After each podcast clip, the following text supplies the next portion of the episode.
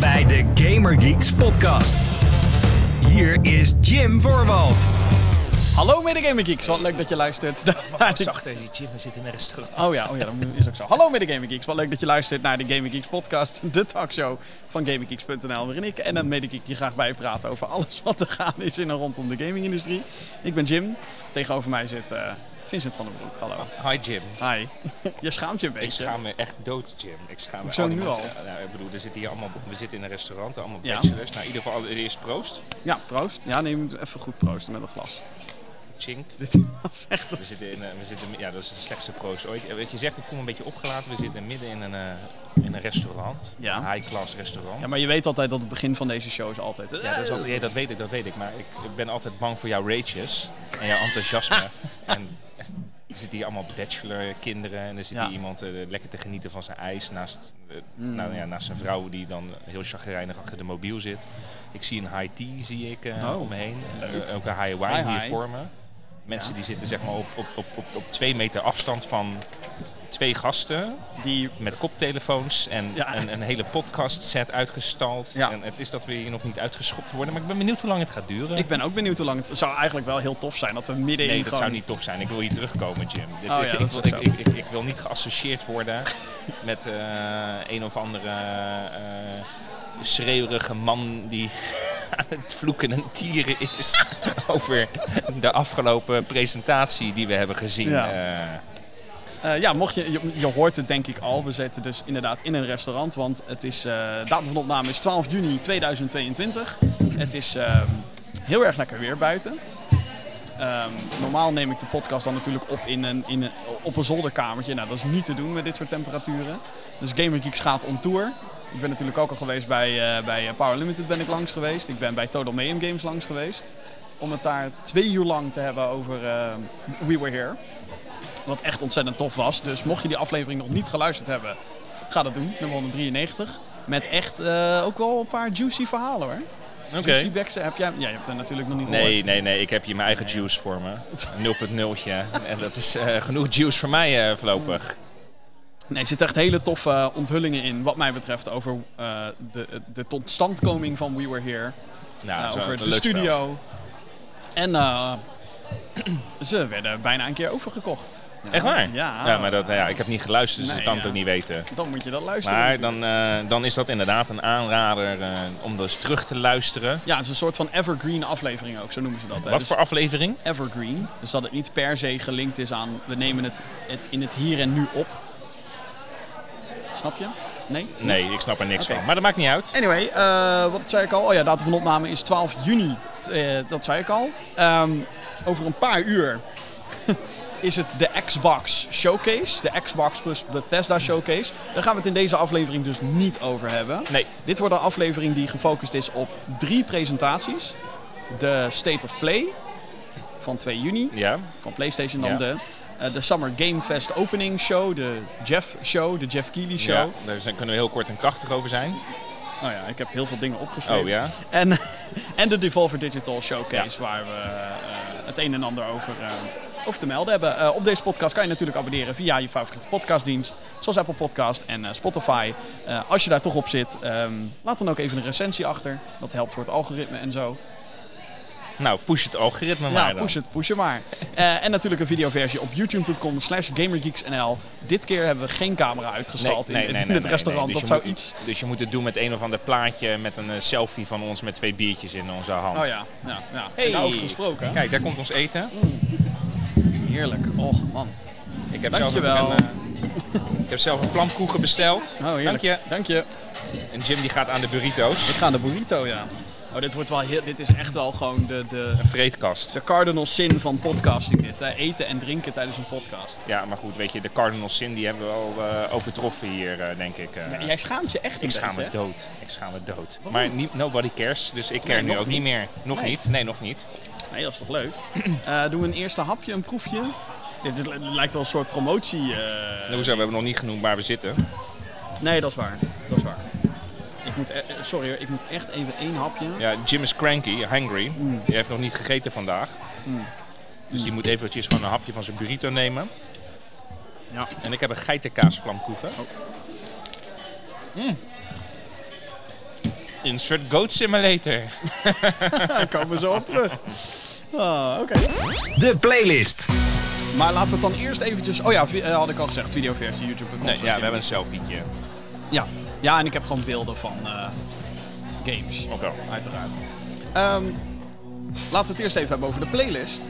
Althans, als er sprake is van een playlist in, eh, in jouw geval, Vincent. Ehm, ja, jij speelt niet heel veel meer, hè? Jij game Nee. niet heel veel meer. Nou, we hebben bijna geen tijd voor. En nou moet ik ook wel zeggen dat... ja, ik, ehm, gamen is op dit moment, maar dat is op dit moment hè. Maar dat zeg ik volgens mij iedere podcast. Inmiddels wel, ja. Inmiddels wel. Het is niet een soort van. eh, en, en heeft niet alles met high priority te maken, maar ik denk dat gamen voor mij geen ontspanning is. Dus, ehm, dus als ik een filmpje kijk, of een Netflixje of iets dergelijks, hè, dan kan ik gewoon met verstand op nul kan ik aan de slag gaan. Maar omdat ik best wel een hectisch leven heb en ik doe best wel veel dingen. En Ja. eh, er is niet een soort van. Mijn leven bestaat niet uit een routine waarbij je. Het is geen 9 to 5. Nee, precies. Nee. En, en het is iets wat ik met passie doe, mijn werk. Ja, Dus, ehm, dus ik merk dan dat, dat gamen daardoor eh, wat meer een eh ondergesneuveld kindje eh, is. En ik ben ook enorm verzadigd. Dus ja, jij hebt het allemaal wel gezien. ja, ik heb het allemaal wel. ge- Ik ben gewoon op zoek naar iets nieuws. Ik ben gewoon op zoek naar een nieuwe uitdaging op het gebied van games dan. Hè. Daarnaast, daarnaast natuurlijk ook wel, maar zeker op het gebied van games. Dat ik zoiets heb van ja. Weet je, als je dan weer naar zo'n hersenloze shooter gaat zitten kijken, waar we er nu eh, straks over nog drie eh, hersenloze shooters en zombies en zo gaan praten, dan denk ik van ja, ik geloof het allemaal wel. Ik heb alle creatures heb ik gezien. Je kan er tien puisten extra bij opzetten, maar het is allemaal hetzelfde. Of er moet, en er moet, ja, weet je, en als we het dan hebben over gekken, dan moet er een of ander extra armpje overheen komen. Maar het is Ja. allemaal hetzelfde. De dikke vetzak die eh, spuugt kotsen uit. De, de, de een of ander creepy spinnetje wat eh, op je af eh, eh, torpedeert. Het is allemaal hetzelfde. Ja. En ik denk dat, dat dus dat stukje verzadiging. En dan is het, het, het enige wat dan nieuw is, is dat het dan in iets hogere graphics is. Maar Jij, dan jij hebt dus eigenlijk zoiets van, ik heb Horizon Zero Dawn al gespeeld. Ik hoef geen Forbidden West te spelen. Een beetje Ja, dat, wel, nee, natuurlijk moet ik dat spelen. Je weet dat je nu gewoon mij een beetje aan het, op, aan, het, aan het poken bent. En dat lukt je heel goed. Dus nee, dat wil ik wel. Maar dat wil ik wel op een PlayStation 5 spelen. Ja, en die heb je nog niet. En die heb ik nog niet. En als ik dan een PlayStation 5 eh, heb, dan moet ik daar wel gewoon een fatsoenlijke prijs voor betalen. En niet omdat dat ding schaars is, eh, dat ik er 200, 300 eh ekkies eh, bovenop leg. Ja, want die me- de Mediamarkt doet dat vooral. Hè. Die, wilt, die verkoopt alleen PlayStation 5 in een bundel. Dan moet je dus per se Call of Duty erbij kopen en een tweede controller en een oplaadstation en weet dat allemaal. Terwijl misschien wil je dat gewoon helemaal niet. Misschien wil je gewoon een PlayStation 5 en een andere game. Maar nee, alleen in die bundel verkopen ze het. En zo raken ze natuurlijk van die, van die meuk af. Ja. Aan de ene kant heel slim. Ja, weet je, wat, ja, wat kan je er tegen doen? We kunnen eigenlijk alleen maar wachten totdat de schaarste minder wordt. Maar ik heb wel her en der vernomen dat als je een beetje je best doet, zeg maar. Maar goed, je hebt toch geen tijd om zeg maar, überhaupt iets te doen, dus laat staan. Om Maar als je, ja, maar als je een beetje je best schijnt te doen, dan eh, moet het wel lukken met een, eh, een PlayStation 5. Oké. Maar ik ga Ehm, voor PlayStation 5 Pro. Ja, 2024. Tot dan. Nee, denk je niet volgend jaar? Nee, denk ik niet. Nee. Nee, die rumors zijn er al een beetje her en der natuurlijk. Nou. Maar ik denk dat zeker met de, eh, de vertraging die eigenlijk deze hele console-generatie nu heeft opgelopen. En niet alleen maar door de chiptekorten, maar ook door natuurlijk heel corona Ja, ja. erbij. Eh, ik denk dat ze er verstandig gaan doen om daar nog een jaartje mee te wachten. Maar dan kunnen ze net zo goed voor PlayStation 6 gaan. Een jaar later. Ja, maar dat kan je met alles zeggen dan. Ik denk, Nee, ik denk dat dit zo'n eh zo'n Wii U'tje wordt, Nee, PlayStation absoluut, 5. absoluut niet. Absoluut niet. nu pook Nee. ik een beetje terug. Ja, ik weet het. Ehm, maar goed, eh, over Horizon gesproken. Ik ben dus echt ham gegaan op Horizon. Wat ben je gegaan? Ham. Dus dan, Ham? Ja, dat je er Mayhem. he- nee, dat je er helemaal voor gaat. Oké, hem. YOLO. Weer iets nieuws geleerd. Ja. Hem. Ehm, nee, ja, nee. ehm, en dat, had- dat is wel interessant, want ik had dat de vorige keer dus ook met Horizon Zero Dawn. Ja. Dan, het kwam uit, ik speelde het, een paar uurtjes zeg maar, tot max 10 uur. En toen had ik zoiets van, nou ja, ik ga andere dingen doen. En toen kwam ik er, in het geval van Zero Dawn, dus de eerste game, kwam ik er jaren later pas weer op terug. 2019 of zo, toen speelde ik Horizon Zero Dawn pas echt uit. Ja. Misschien zelfs een jaar later. Ehm, Maar met Forbidden West had ik dat dus ook. Het kwam uit in februari, die game. Toen speelde ik het 10 uur. Toen dacht ik, oh ja, dat is wel vet. En het is Horizon, maar dan mooier eigenlijk. En met wat meer functies en zo. En eh, veel meer, ehm, dat vind ik wel tof, veel meer interactie in de open wereld. Als in, het is niet alleen maar ga naar een plek toe en verzamel daar object. Nee, daar zit dan meestal een puzzel omheen. Of een confrontatie met een robot dino omheen of zo. Dus het is niet alleen maar het verzamelen van objecten op eh, de open world map. Ehm,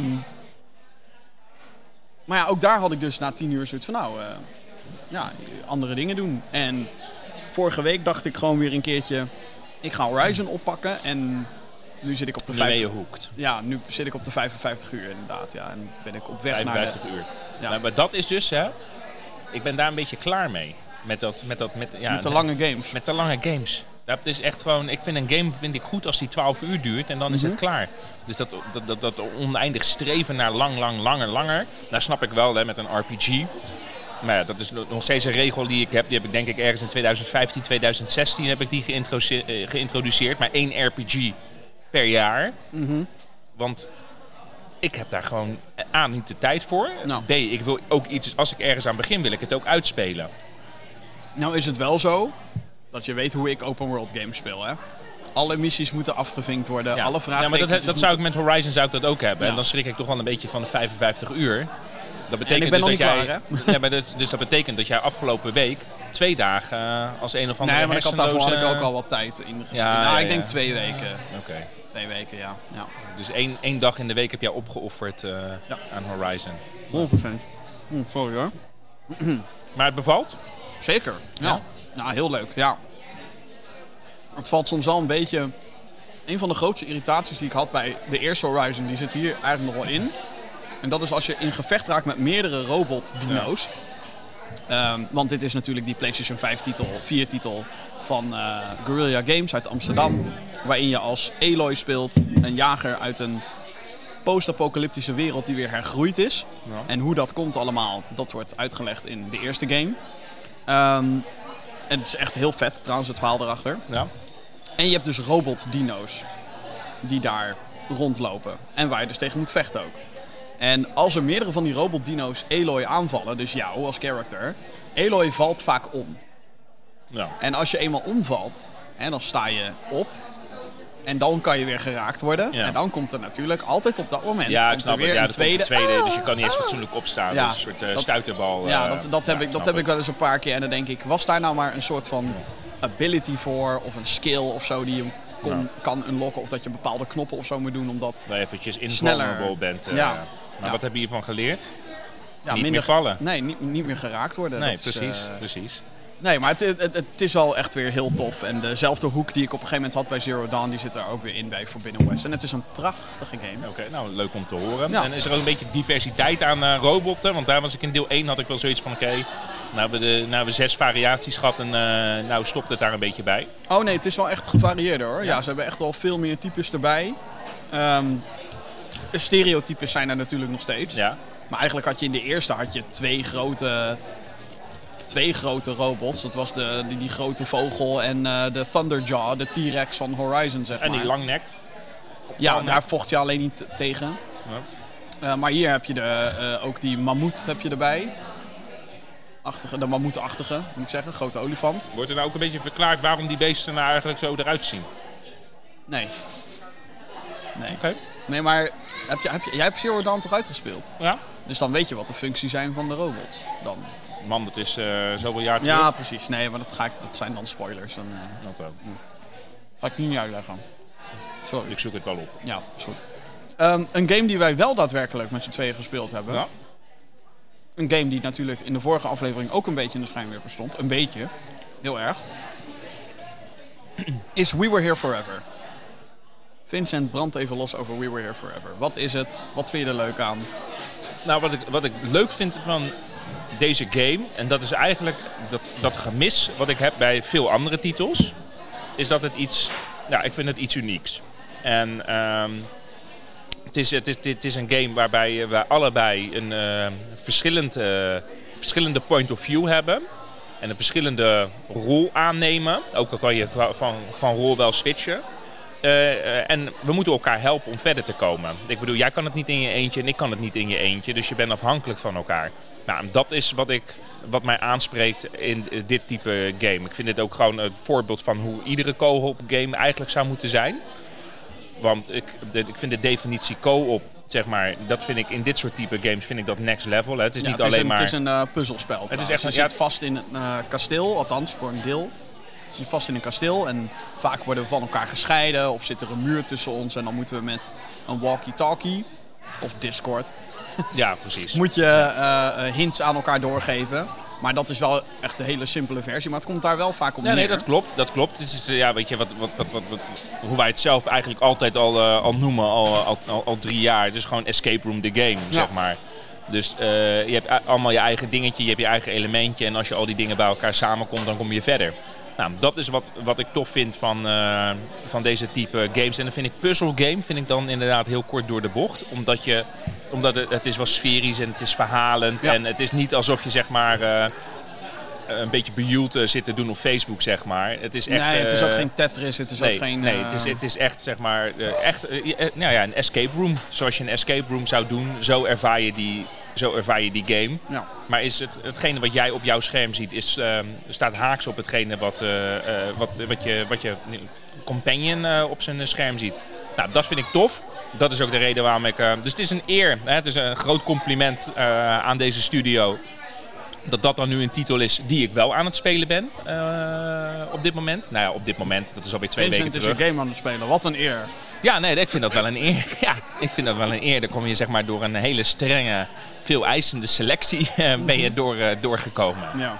Dus ehm, ja, dus ik vind dat echt een, een, een, spel waarbij ik denk van nou, dat... eh, We hebben hem nog niet uitgespeeld, moet Nee. ik even bij zeggen. nee, maar we zitten wel op, wat is het, 65% of zo? Dus, ja, ja, ja, nog één, één nachtje doorhalen en ja, dan eh, precies.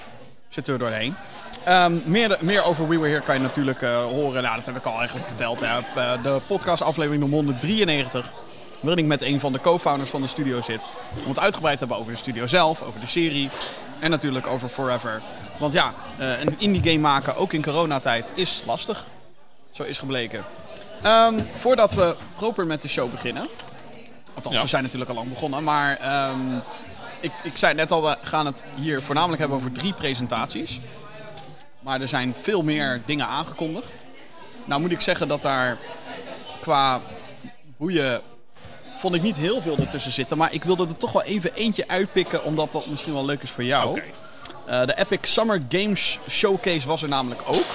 Oh ja? Er kwamen weinig headliners uit, maar eh, daarin werd wel The Lord of the Rings Return to Moria aangekondigd. Een, survi- een survival crafting Lord of the Rings game die zich dus afspeelt in de diepere, donkere mijnen waar Gandalf tegen de Balrog vocht. Het heeft dus een grote focus op multiplayer en moet in de lente van 2023 gaan verschijnen. Oké. Maar dat is allemaal weer met van die fake Lord of the Rings personages. Eh, eh. je speelt allemaal als een dwerg, ja. Niet als dat is nog wel. Maar je speelt allemaal, dus je speelt met meerdere. Ja, eh, co-op, ja. Co-op, Oké. Survival crafting in, in the Mines of Moria. Ja, Ik kijk, was in Balin. ik ben altijd een beetje sceptisch over Lord of the Rings games. Mello. Er zijn, er zijn, er zijn weinig, eh, weinig Lord of the Rings games. En dan heb ik het een beetje over nou, third-party Lord of the Rings games. Een soort van B-Lord of the Rings games die echt, eh, echt goed zijn. En er zijn een hoop B-Lord of the Rings games.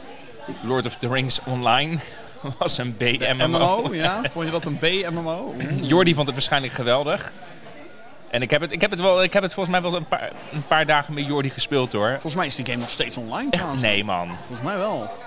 Ja, Het is de Lord of the Rings offline, volgens mij. En die is echt niet... Ik, nou ja, dat volgens mij we even bestaat die nog. opzoeken. Volgens mij draait die game nog. Ja, nou ja, dan, dat, het zal niet eh, goed geaged zijn, denk ik. Dat denk ik ook niet, maar dat is vaak ook niet de, de bedoeling van dat soort games natuurlijk. Inmiddels. Nee? Nee, de, de mensen die het nog spelen, die spelen het natuurlijk omdat het die, die specifieke game is. Lijkt Nou, me. dus, eh, maar Jordi vond het hartstikke leuk natuurlijk om daar te vissen. Uiteraard. Dus ja. eh, ja, Nee, ja, ik, ik kan me nog wel heel goed herinneren de Shadow of Mordor, Shadow of War. Uh, De Shadow of War heb ik nooit gespeeld, maar Shadow of Mordor was echt te gek. Dat was een, eh, nou dan ging je ook in Mordor rondlopen en orks kapot hakken en zo. Dat is echt, echt te gek. Ehm, en ik vond de filmgames zelf wel leuk. Ja, de de filmgames waren oké, maar er was ook een soort van B-filmgame op de PlayStation Third eh, 2. Age, ja, dat ik. met, met een soort van characters die, die, je dan net achter de fellowship Ja, zogenaamd aan zou lopen. Onzin. Dat was echt bullshit, ja. En dan knap ik eigenlijk heel snel af op. Jij eh, hebt zeker niet de beelden gezien van de nieuwe Gollum game, die in september uitkomt. Nee. Nou, ja, dat Nee, dat moet ik houden zo, denk ik. is echt, het is echt. Ik, ik, ik, ik lees altijd wel een beetje, zeg maar, als er echt iets is wat ik moet zien, dan hoor ik dat wel. Maar eh, Jim is zeg maar een hele goede filter. Ja. ja.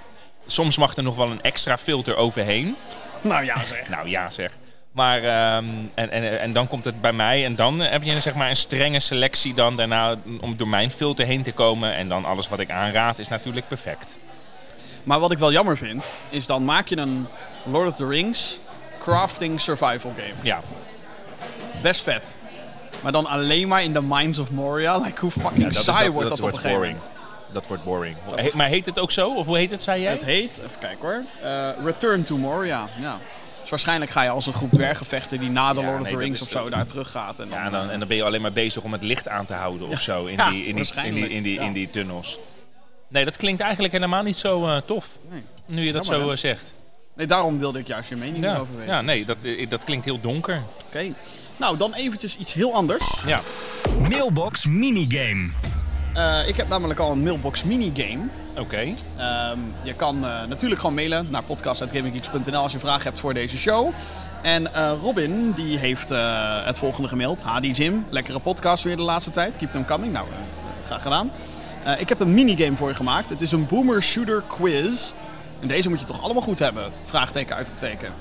Dus ik heb de quiz hier uitgeprint. Oké, Eh, op één pagina staan alleen de vragen en op, de- op volgens mij de derde pagina, ja, ik zie alleen de vragen hier staan, maar daar zullen ongetwijfeld ook de antwoorden achter staan. Ehm, dus ja, ja, ik denk niet dat jij hier heel veel eh, uit kan halen. Dus, nee, eh, maar goed, we gaan Maar kijken schrijf, schrijf vooral even mee als je nu naar de podcast luistert, want gaan we aan het eind van deze aflevering gaan we de antwoorden erbij halen. Oh, oké. Ja. Dus geef ik nu mijn antwoorden en dan kan je me straks uitlachen dat ik alles fout had. Oké, maar en je gaat ook aan mij vragen stellen? Of is het allemaal voor mij ja, jij kan, jij, ik denk niet dat jij dit Nee? Oké, doe eens gewoon één vraag dan. Nou, de eerste vraag is uit welk jaar komt Wolfenstein 3D? Dat was... ehm, nee, dat weet ik nog heel goed. Ik ga het echt, ik ga echt lachen. als je- 1996. Dat is fout. Weet ik Nee, nu al. 86. Nee, 92. 1992. Denk ik. Nou, ik vind dat ik dat met het feit dat ik in de jaren 90 zit, keur ik wel goed. maar jij zegt 92, zeg jij Ik nu. zeg 92. Maar je weet nog niet of dat het echte antwoord is. Dan zeg ik 93. Oké. Kut, we moeten eigenlijk iets van een pen hebben. Ja. Maar ik heb geen mobiel bij me. Oh ja, ik kan het wel doen. Jij kan het noteren. Ik ga het even noteren. Nou, dan pak ik ondertussen de vraag ook op. Ja. En dan ga ik de tweede vraag stellen. Oké, goed, ja. In Wolfenstein 3D kun je extra health kijken, krijgen door de volgende dingen op te pakken. Maaltijden, verbanddozen en... Eh, wacht, wat zijn nou? Maaltijden? In Wolfenstein 3D kun je extra health krijgen door de volgende dingen op te pakken. Maaltijden, verbanddozen en... Hondenvoer. Volgens mij dogfood. Oké, valt dat niet onder maaltijden? Ik denk dat je bloed Oh. kan drinken van, je, van neergevallen characters. Bloed drinken. Ja. Oké. Nou, vraag. Ja, vraag 3. Hoe, oh, nou dan wordt het gespoord hier. Hoeveel procent health krijg je bij als je hondenvoer oppakt? Drie. Plus drie. Ik denk 5. Hoe heet episode 3 in Wolfenstein 3D? Oh, dat weet ik niet. Ik denk Eh, D. Hè? Ik denk D. D. Episode 3 heet D, denk Ja, jij. episode 3 in Wolfenstein, Wolfenstein 3D. Nou, 3. D. Ik denk, logisch. weet ik veel. Eh, blasting away, ik weet het echt niet. Blasting away. Ja, ik verzin maar wat. Jim being original. Ja. Wolfenstein, het gaat echt wel heel veel over Wolfenstein 3D. Dit is wel echt boomer shooters, hallo. Ja, oké. Wolfenstein 3D werd ontwikkeld door id Software. Mhm. Welke legendarische boomershooter brachten zij het jaar erna in 1993 uit? Doom. Hij spoort weer zijn antwoord. Hoezo? Nou, hij zegt welk. eh, wel- Dus Wolfenstein 3D werd ontwikkeld door id Software. Welke legendarische boomershooter brachten zij het jaar erna? Ja. 1993 uit. Dus dat betekent dat vraag 1 uit welk jaar komt Oh, ja. Wolfenstein 3D 1992 is. Ja, dat klopt. Dus jij had Oei. gelijk. Ja. Nou, die kunnen we al. Oké, Maar goed, dan is Doom. Ja. Vraag 6. In Doom kon je eigen maps opslaan. Dit sloeg je op als zien wat bestand. Waar staat de afkorting wat voor? Ik ga eerst even kijken of het misschien in de vragen daarna bij staat. What staat voor where's all the data? Dat weet ik dan weer wel. Oké, nou ik ga met Jim's antwoord mee. Oké. Doom, is de me- Doom is in de media ook wel eens in verband gebracht met toenemend geweld onder jongeren. Mhm. In 1999 vond een high school shooting plaats. De Oh daders waren naar verluid fanatieke Doom-spelers. Hoe heette die high school? Jezus, dit gaat toch helemaal niet over de game? Ehm weet ik veel. Columbine High School? Was, was het niet die? Ik heb geen idee, man. Ik eh, schrijf dat wel. Ik lees nieuws nu. Uit 1999. Hoe heet de spirituele opvolger van Doom uit 1995? Die veel meer naar het fantasy-genre Heretic. leunde. Die weet ik ook. Oké. Veel boomershooters draaiden op de Doom Engine of Quake Engine. Mhm. Vanaf de vijfde versie van deze engine kreeg dit een andere naam. Welke? ItTech. Ja, ik wilde ook iets met it zeggen. Maar jij zal... dat omdat de vraag daarna... Nee, dat niet. Nee, nee, nee. Op welke versie van deze engine Oh, draait Doom Eternal? Oeh, ehm, Op 9. ik zeg op 7. Volgens mij 7, wacht. Nee, je mag het nog niet opzoeken. Nee, ik ga het niet opzoeken, maar 7. Jij zegt 9. Welke metalband heeft de soundtrack gecoverd van Duke Nukem? Eh Megadeth. Hoe heet de schrijver van Shadow Warrior 3? Is dat ook een eh boomer shooter? Boomer looter shooter? Mm, ja, nee, ik zou het echt niet weten trouwens. De schrijver van Shadow Warrior 3. Ik weet niet wie dat is, maar die heeft een slecht, slecht werk afgeleverd. Oké. Ik denk dat zijn naam Daniel Garner is. Wat is het uiteindelijke doel van Daniel Garner in Painkiller? Dat is een character guy. Oh, ja, weet je, ik denk, hij spoilt misschien toch zijn antwoorden. Eh, Painkiller. Ehm, Daniel Garner probeert uit limbo te komen. Oké. Die zit vast in limbo. Antwoorden op pagina 3. Je wil niet nu al de antwoorden checken? Of je wil echt dat, dit, eh, dat mensen nu dan zeg maar een hele aflevering in Agony gaan zitten wachten totdat ze eh, horen Ja. of ze het goed hebben? Ja. Oké. Jouw podcast. Ja, nee, ja. Het, eh, zal wel een of ander radiotrucje zijn om je langer te laten luisteren. zo, nou, dat... eh, Dit noemen wij een teaser. Een teaser. Oké, eh, nou, dat is, mooi, dat is mooi, hè? Zometeen in de Gamer Geeks podcast. Ja, zometeen gaan we het natuurlijk hebben over de showcases waar we je al een half uur mee proberen warm te houden. Die Volvo Digital had zijn beste showcase ooit. Weet Jeff Keighley zijn hype levels van E3 te evenaren? Vraagteken. Weet je wat nou zo grappig is? Nou. Hij zet, hij zet meteen zijn teaserstem op. Maar je moet je voorstellen dat hij zijn teaserstem opzet... terwijl hij net klaar is met het eten van een burrito... Oh, ja. in een overvol restaurant. Het is echt... eh, het is echt valt wel mee. nou, er zijn eh, acht tafels leeg en de rest zit vol. Ja, Heb je het terras buiten gezien? Niet overvol dus. Oké, en eh, we en gaan door. eh, natuurlijk in de mailbox duiken. Heb je vragen voor de show? Mail dan naar podcast.gaminggeeks.nl. Je weet het Maar je weet natuurlijk wel dat we niet nu al antwoord kunnen geven op je mail. Dan zou je moeten wachten tot de aflevering van volgende week. Ja, uiteraard, maar dat is logisch, toch? Ja, nou ja niet altijd. Soms eh, doe je wel eens een live podcast en dan kunnen mensen nog eens even... Nee, nee, dat, dat, nee, dat, Nee, we zitten nu in een We restaurant. zitten nu in een restaurant, precies. Nieuws. Je hoort het. Flik het ook meteen. Oké. Ehm, wat ik al zei, we gaan dus deze eh nieuwssectie... Vraagteken Jeff Keighley. Vraagteken Jeff Keighley. We gaan deze, deze podcast gaan we dus voor de rest richten op drie presentaties. Drie zomerpresentaties die gehouden zijn. Eh, en de eerste daarvan was de PlayStation State of Play. Deze heb jij niet gezien, hè Nee, Vincent? ik ga mijn vlamkuchen eten. Oké, goed zo. Maar ik ga je wel meteen verrassen met tof nieuws. Eh, PlayStation heeft dus een State of Play presentatie uitgezonden. Jezus Christus, gast. God.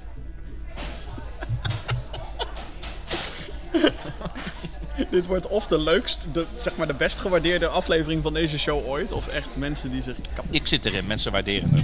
Wauw, zo. Spotjes. Oké. PlayStation heeft een State of Play presentatie uitgezonden. Hierin onthult de console gigant wat voor games er allemaal bij eh, aankomen voor PlayStation platforms. Van tevoren werd er aangegeven dat het zou gaan om derde partijen en PSVR 2 games. Presentatie opende meteen met een potentiële hit, of eigenlijk een bijna gegarandeerde hit. Capcom is Resident Evil 4 aan het remaken. De horror actiegame kwam van origine uit in 2005 voor de Nintendo GameCube en werd later uitgebracht, eh, of werd later gebracht naar PlayStation 2, PC, Nintendo Wii, PlayStation 3, PlayStation 4, Xbox 360, Xbox One, Nintendo Switch en de Oculus Quest 2. Zowel in het origineel als in de remake speel je als Leon S. Kennedy, eh, een van de hoofdpersonages uit Resident Evil 2. Die probeert de dochter van de president te vinden in een afgele- eh, afgelegen dorp in Spanje. Daar lijken de mensen bezeten te zijn door een nieuw soort virus. Het uiterlijk van Ashley, dus degene die je zoekt, is gebaseerd op het Nederlandse Instagram-model Ella Freya. Dus die eh, wordt nu helemaal ondergespamd in haar comments met Ashley, no, Ashley, dat soort dingen. Op 24 maart 2023 verschijnt Resident Evil 4 Remake voor PlayStation 5, Xbox Series S/X en PC. En er is ook exclusieve content in ontwikkeling voor PSVR 2. Puntje, puntje, puntje, puntje. Wat hè? Oh, Exclusieve content in ontwikkeling voor PSVR 2. Vincent, een remake van Resident Evil 4. ja. Waarom niet? Ik heb het spel eh, heb ik ooit een keer geleend van jou voor op de Wii. Had ik die op de Wii? Ja. Weet je zeker dat ik het was? ja, ik heb alleen van jou dat spel geleend. Ik denk niet dat ik die ooit op de Wii heb gespeeld. Nou, maar ik wel. Dat ik hem heb gehaald en meteen Ja. aan jou heb... eh, Ja, dus dat, eh, dat, en, en, en ik heb hem nooit uitgespeeld. Dus eh, herkansing. Maar dan ligt het zeg maar achter op de stapel. Ik moet eerst twee nog uitspelen. En dan moet ik de remake van drie moet ik nog Ik uitspelen. dacht dat jij dat allemaal en dan al moet ik Village nog uitspelen. Ik dacht dat jij dat al lang gedaan had. Maar ik, vriend, ik zet net te vertellen hoe weinig tijd ik heb. Ik lig, achter, ik lig, ik lig drie Resident- jaar achter op schema. Maar Resident Evil is voor jou toch een van die Ja. high prio... eh let's Dat go. is het, ja, is het ook, maar ik heb het nog niet uitgespeeld. Maar 7 had je wel uitgespeeld. Zeven heb ik uitgespeeld. Oh, ja, ja. Ehm, dit is best wel... Ik vind het best wel... Ik vind het dope. Want Resident Evil 4 is mijn persoonlijke favo Ja. Resident Evil. Gewoon door de... Een beetje... De, weet je, het is spannend en het is hè, horror en, en niet zozeer eng, maar echt spannend, vind ik. eh, Mhm. Resident Evil 4. Ehm, maar de actie is zo vet in die game gewoon. De, de manier hoe de, de vijanden reageren op dat ze door een kop geschoten worden. Soms komt er ineens zo'n beest uit hun kop. En de death animations en de quicktime events was toen wel echt heel erg nieuw. En ik vond het gewoon vet dat ze dan zo'n... Dan moest je wel eens verstoppen, sommige scenario's moest je verstoppen in een huis. En dan gingen ze ladders neerzetten om bijvoorbeeld bij, die, eh, bij, hè, om bij de bovenverdieping te komen. En dan kon je gewoon die ladders optrappen. Dat, dat soort shit vond ik gewoon lauw. Maar dat kan ik me nog wel herinneren. En de inventory management, dat je helemaal als een soort Tetris. Oh, oh, oh, maar als ik deze shotgun nou kantel, dan heb ik deze ruimte over voor de ammo en zo. Dat is echt heel erg vet. En de characters en zo. En gewoon de hele. Dus dat ze het gaan remaken is aan de ene kant leuk. Aan de andere kant merk ik, en dat is denk ik een discussiepunt waar we straks nog verder op ingaan. Ehm, maar dit is een van de eerste Resident Evil games waarvan ik zoiets heb van. Maar het origineel is eigenlijk nog prima speelbaar. Nee, man. nee, man. Last of Us is ook niet speelbaar. Oh mijn god. Spoilers. Oké, eh, Nee, gaan dat is we... een teaser. Ja, oh ja, dat is een teaser. Gaan we naar de volgende. Eh, de nieuwe virtual reality headset van PlayStation, de PlayStation VR 2, kreeg ook wat aandacht tijdens deze State of Play. Er zijn drie titels getoond. De eerste was een volledige VR-versie van Resident Evil Village. Het achtste hoofddeel in de franchise kwam vorig jaar uit op current en last-gen consoles. Het ontbreken van een VR-mode was toen opvallend, want de voorganger, Resident Evil 7 Biohazard, eh, lanceerde namelijk met een VR-stand voor de eerste PlayStation VR. Nooit op PC trouwens, wat PC-mensen kut vinden. Wat ik snap. Ehm, dus ja, Resident Evil Village komt naar PlayStation VR 2. Horizon Call of the Mountain kreeg de eerste gameplaybeelden. Dit is een VR-only spin-off van de populaire PlayStation franchise. In dit geval speel je als jager en lijkt de gameplay een mengeling te zijn tussen het beklimmen van bergen en het vechten tegen de bekende robotdino's met pijl en boog. No Man's Sky komt ook naar PlayStation VR 2. De langlopende ruimtegame waarbij je van planeet naar planeet reist om verschillende typen grondstoffen te verzamelen is al speelbaar op de originele PlayStation VR. Maar met de nieuwe versie komen er verbeteringen wat eh, betreft prestaties en scherpte. Wat nodig is, want de eerste PlayStation VR is geen hele hoge resolutie. En dan Wat is er nog dan de resolutie van dat nieuwe ding dan? 4K op elk oog. Oké. Ja, zo goed als. Het zit een beetje anders omdat de verhouding Ja. anders is, maar dat. Oké. En wat heeft het nog andere eh, toffe Nou, dingen? daar komen we zo op terug. Ja, Laat me even eerst dit. eh, Teaser. Ja. En dan is er nog The Walking Dead eh, Saints and Sinners Chapter 2 Retribution. Een VR-game waarbij je zombies op allerlei verschillende manieren ten einde brengt. Nog een keer dan. Het interessante aan deze game is, is dat deze gaat komen voor zowel Play- PlayStation VR 1 als 2 En voor de oudere headset is een releasejaar gegeven van 2022, terwijl voor PlayStation VR 2 2023 vermeld staat. Dit kan een hint zijn naar de release date van de nieuwe headset, die lijkt dit jaar niet meer te gaan halen. Dus, Oké. Ga je dat ding halen? ik denk het wel. Ja? De... Oké, dus de PlayStation VR 2 hè, wordt dus weer een VR-headset voor PlayStation. De... Ga je hem ook aansluiten op de PlayStation 4? Nee. Nee, PlayStation 5 only. Oké. Wat logisch is, denk ik. Ja, weet ik niet of het logisch is. Jawel. Ik bedoel, eh, controllers kunnen ook eh, uitgewisseld worden met Ja, elkaar. con- maar toch? controllers is toch wat anders dan een display die graphics moet laten zien en zo. Oké, maar dat maakt dan toch niet uit. Jawel, als de resolutie anders is En, en- en, en, en, eh, en natuurlijk die kracht die wordt ontwikkeld door Exact. die PlayStation en niet door die. Ja. Oké. Alhoewel, er zullen ook wat eh, chipjes in dat ding zelf zitten, maar dat correspondeert dan met 5 en niet En met 4. eh, zijn ze klaar met al die kabels die aan je lichaam geplucht Er zitten? wordt één kabel nu naar de PlayStation 5. Was het niet de vorige keer ook al één kabel? Nee, dat waren meerdere kabeltjes.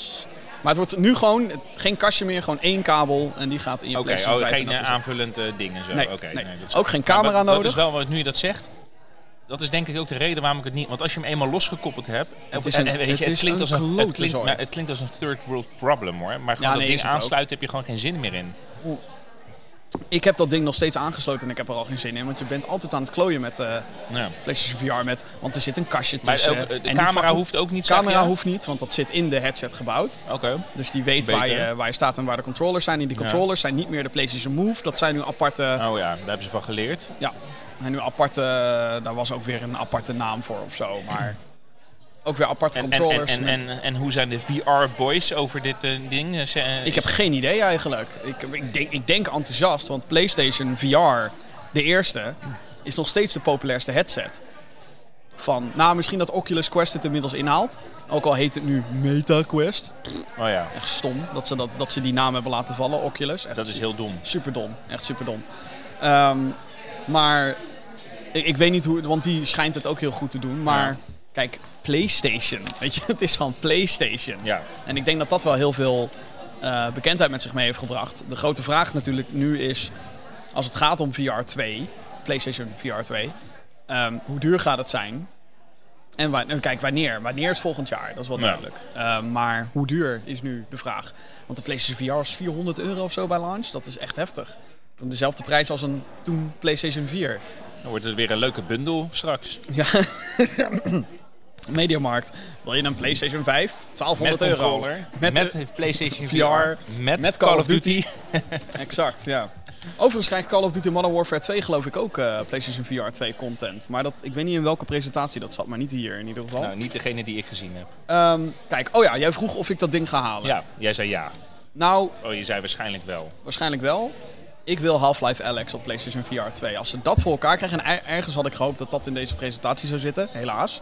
Want Half-Life Alex is voor mij de game waarvan ik denk, die wil ik, als ik iets in VR wil spelen, wil ik dat heel graag spelen.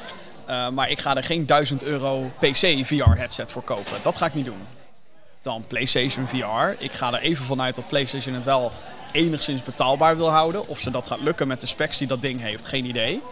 Nou, Maar met alle inflatie en eh, chiptekorten, et cetera, eh, denk ik niet dat dat, eh, dus dat, dat eh, een worstenbroodje is bij Nee, nee, Gamma. nee. Maar ik, ik had, ik, een paar insiders hadden her en der ook wel gezegd van nou jongens, dat wordt wel een goede deal. Dus Oké. misschien dat ze daar wel weer, dat ze het op of koopprijs of op productieprijs verkopen. En het feit dat je dan natuurlijk games haalt, dat is wat het geld binnenhaalt. Ja. Maar goed, Resident Evil Village, een Horizon game en die Walking Dead game. Ja. Even, wacht even, ik ga nou even terug. Want je zegt met één kabeltje. Ja, één kabel. Eh, eh, zou, eh, kan dat ding niet straks misschien ook gewoon op je computer aangesloten Dat zou worden? heel goed kunnen dat PlayStation dat toelaat, want ze zetten in op PC. Daarover gesproken. Goeie Oh. teaser. Nou, Ehm, wie dacht dat PlayStation de PC niet als belangrijk platform ziet, moet nog maar eventjes luisteren. Want tijdens de State of Play werd aangekondigd dat Marvel Spider-Man in augustus naar PC komt. De poort wordt gedaan door Nixus, een studio in Utrecht die niet al te lang geleden werd overgenomen door PlayStation. De studio staat bekend op PC-versies van onder andere Marvel's Avengers, Deus Ex en de Tomb Raider Reboot Trilogy. Spider-Man Miles Morales, de spin-off van de game die als een semi-vervolg dient, komt ook naar PC. Die zal dit najaar verschijnen, dus die komt ietsjes later. oké. Nou, dat is één ding wat die gasten niet zaten te doen. En dat is? Te niksen. Godsamme. Nou ja, ik vind dit wel eh, ik vind dit een big deal. Want ik, van alle PlayStation games die potentieel naar PC zouden kunnen komen, ha- ha- had ik tot voor heel kort dus gedacht, maar Spider-Man doen ze niet. Want Spider-Man verkoopt de PlayStation. Spider-Man is van, hé, hey, op PlayStation. Dus nou, dan kopen we, dan kopen we PlayStation, want we willen Spider-Man. Voor de... Ja, maar, ja, Mainstream. maar omdat ze nog niet genoeg eh, van die dingen kunnen verkopen, is het alleen maar logisch dat ze zeggen van nou, iedereen die al een PC thuis heeft staan. Ja, maar Spider-Man kwam uit game. PS4, hè, dus dat telt niet echt. Ja, maar die Morales toch niet? Of wel? Jawel, die is ook op Ja? PS4. Ja, Ja. ja, zeker wel. Ja. Nou, ja, ik geloof jij. Jij bent de kenner. Jij bent de encyclopedie. Ja, nee, maar ik, ik, omdat PlayStation namelijk altijd heel erg heeft vastgehouden aan Spider-Man gebeuren. Sony überhaupt. Hè? Sony ook met de films en zo. Spider-Man is gewoon voor hun een fucking big deal. Dus er is natuurlijk het argument dat hoe meer PlayStation games je naar PC brengt, hoe meer mensen denken en vinden. En ik snap het. Waarom zou ik een PlayStation kopen? Ik kan het net zo goed op PC halen. Ook al moet ik eventjes wachten. Ja, maar eventjes. Het is, je moet Drie je jaar. drie jaar wachten. I know. Ja, Ja. maar ja. Over drie jaar. Ik wacht ook drie jaar op een PlayStation 5 Pro. Maar heel veel mensen hebben dat er dus kennelijk voor over om drie jaar te wachten. En ja, ik denk dat deze wel als een eh, malle gaat verkopen. Dat wel. En het is nog goedkoper dan eh, een PlayStation Eh, ja, ja. Nou ja, weet ik niet. Als je Spider-Man nu haalt voor PS4, weet ik niet of dat... Dan is dat waarschijnlijk goedkoper nu dan op PC straks de poort halen. Zouden die gasten niet straks eh, ook gewoon hun eigen PC-platform uh, Je bedoelt à la Steam? Ja, à la Steam, à Nou, la Epic, à la gaan ze niet doen. Alle Nee. zooi bij elkaar. Ja, hoezo, ze hebben toch al een hele PlayStation Store. Waarom zouden ze die niet op den duur gewoon gaan overzetten Omdat- naar omdat- een PC? In de praktijk nu ook... Ik de- ga een voorspelling doen. Oh jee. En dat heb ik nu gedaan. Oké. Nee, ik denk niet dat ze dat gaan doen, omdat ze nu juist heel goed verkopen op Steam. Omdat, dat, omdat ze weten, daar zitten de PC-gamers. En hoe goed je game ook is. En ik vind het trouwens een beetje... Er zijn heel veel mensen die zeggen, oh, het is op Epic, dan haal ik het niet. En dan denk ik, ja... Ik bedoel, het is een gratis download. En heel veel mensen hebben het toch al op een PC staan, want Fortnite. Eh, en Fortnite is ook een groot succes, ook op PC. Ehm, dus ik heb aan zich niks tegen dat als een game alleen naar Epic gaat of alleen naar Steam. En ik heb al 14 van die launchers heb ik toch al op mijn computer staan. Nou, dan kan er best wel een 15 erbij. Maar toch was ik ergens heel erg blij. 15 gig aan launches wat je erin Nou ja, ik was ergens dus heel erg blij toen Bethesda had aangekondigd. Onze Bethesda net launcher, weg. Die is, die is er ook niet meer. Nee, slim. En alles kon je gewoon overhevelen naar Steam. capaciteit. eh, Ja, maar het is ook gewoon, Steam heeft alle functies die je wilt. Het heeft community features, het heeft eh, goede patches, eh dingen. Er zit een hele backend achter die alle data aan je geeft als ontwikkelaar. Dus het, het is bijna waarom niet. En waarom niet natuurlijk. Het, het enige waarom niet is geld. Je, net zoals met een...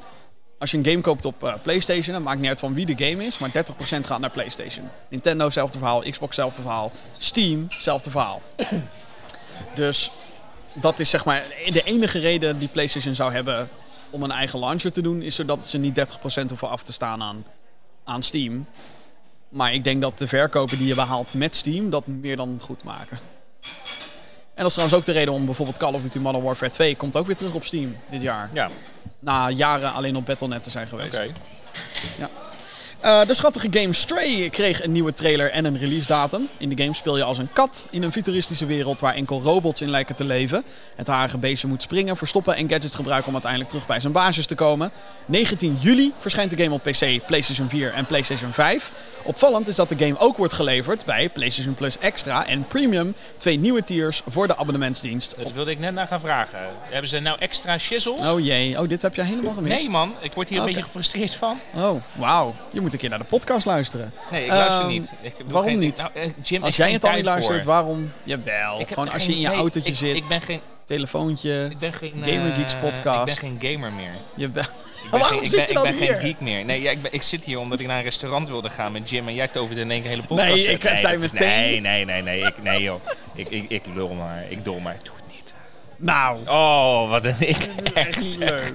Grapje joh. Grapje. Nou, ik ik hou van je, je weet Nou, het. nou. Ik hou ook van jou die dus- nu zit te luisteren. PlayStation. Play... Alleen ik luister niet naar Jim's. Dit is echt zo erg. Ja, dit is waarom deze show niet slaagt, hè? Gewoon door de... Ja. Ik ben niet je doelgroep. Nee, nou, nee, godzijdank niet. Ehm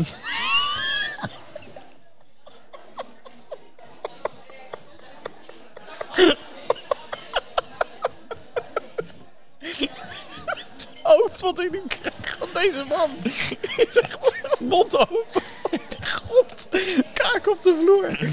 Ah, Oké, PlayStation Plus gaat dus vanaf 22 juni, wordt het onderverdeeld in drie tiers. Dus Ja. eh, PlayStation Plus wat wij kennen, Ja. dat wordt PlayStation Plus Essential. Dus cloud save. Essential. Essential gaat het dan ik voel me echt genaaid.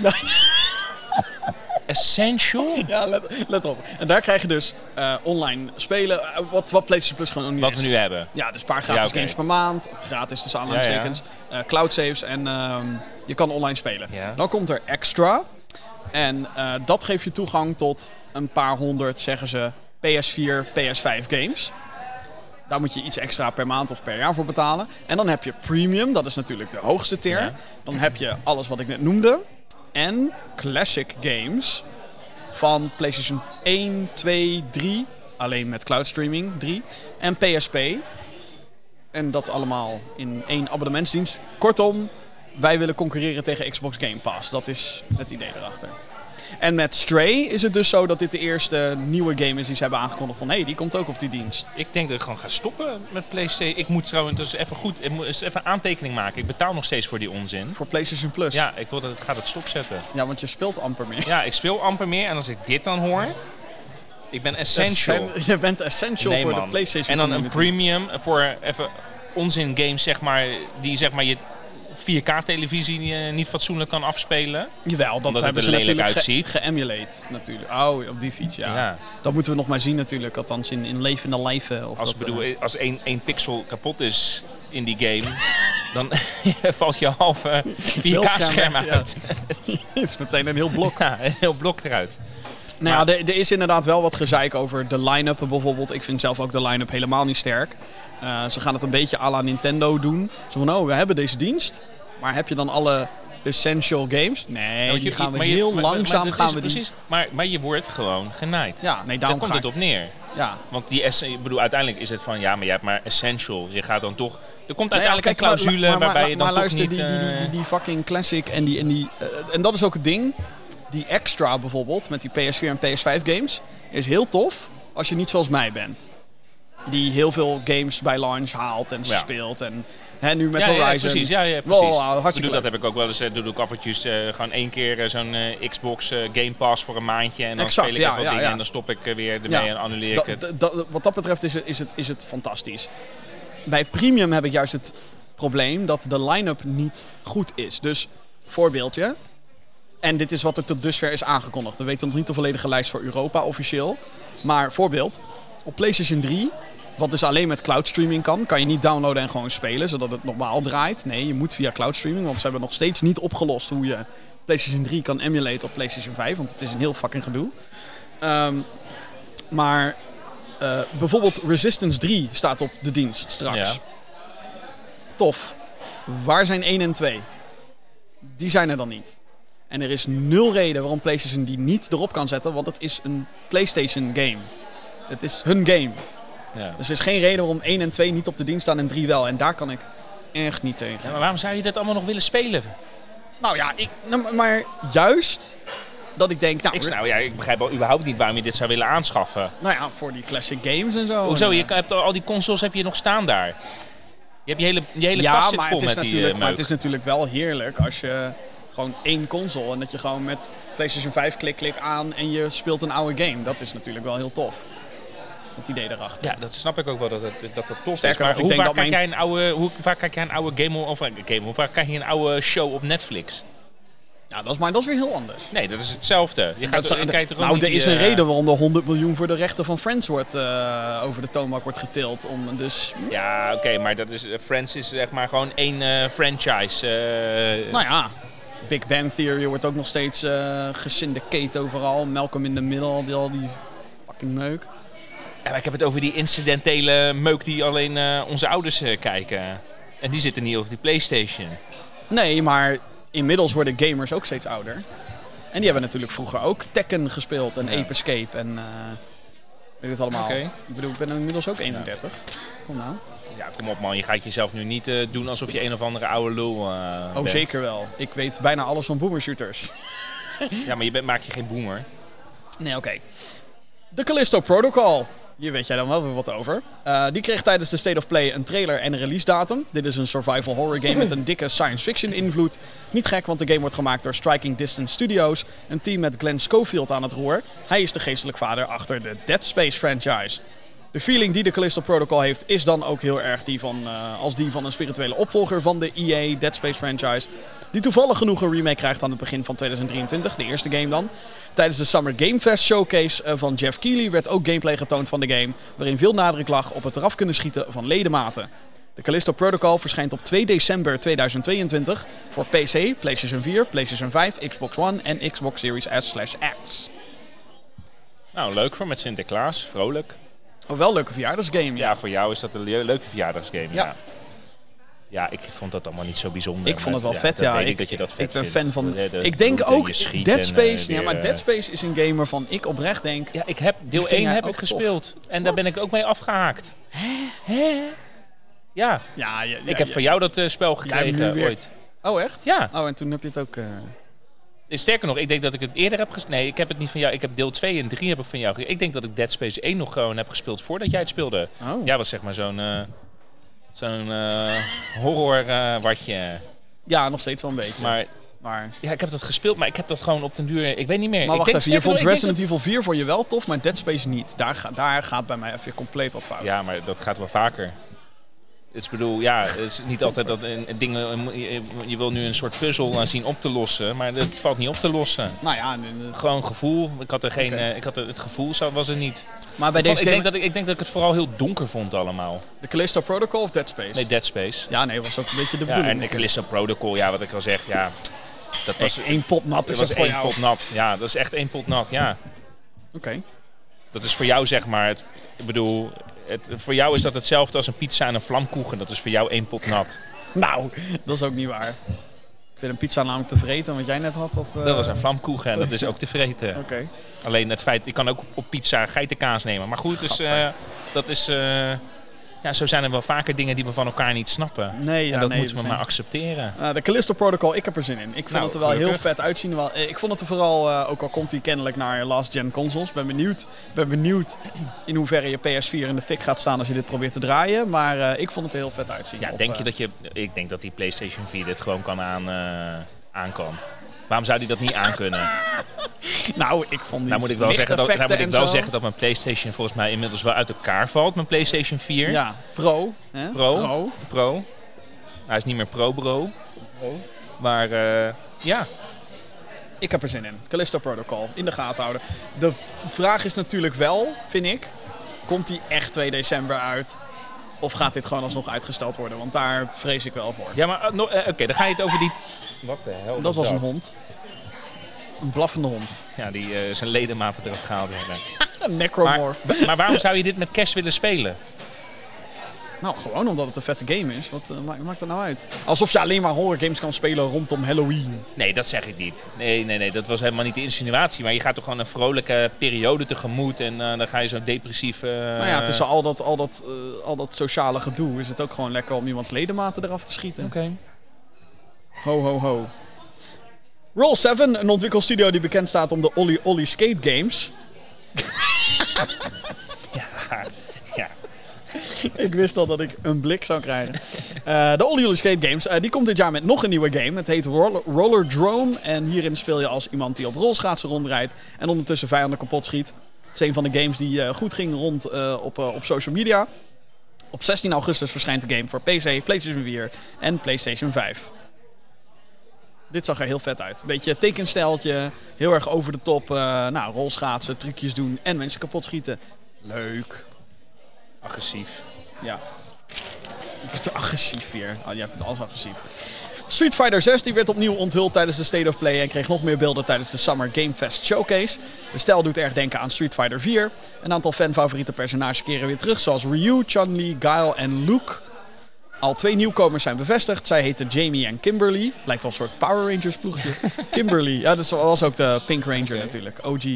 De game krijgt naast zijn traditionele 1v1 fighting modes kennelijk ook een stand waarbij je door Metro City rondloopt. Dus een soort van open world-achtig story mode, wat wel tof is.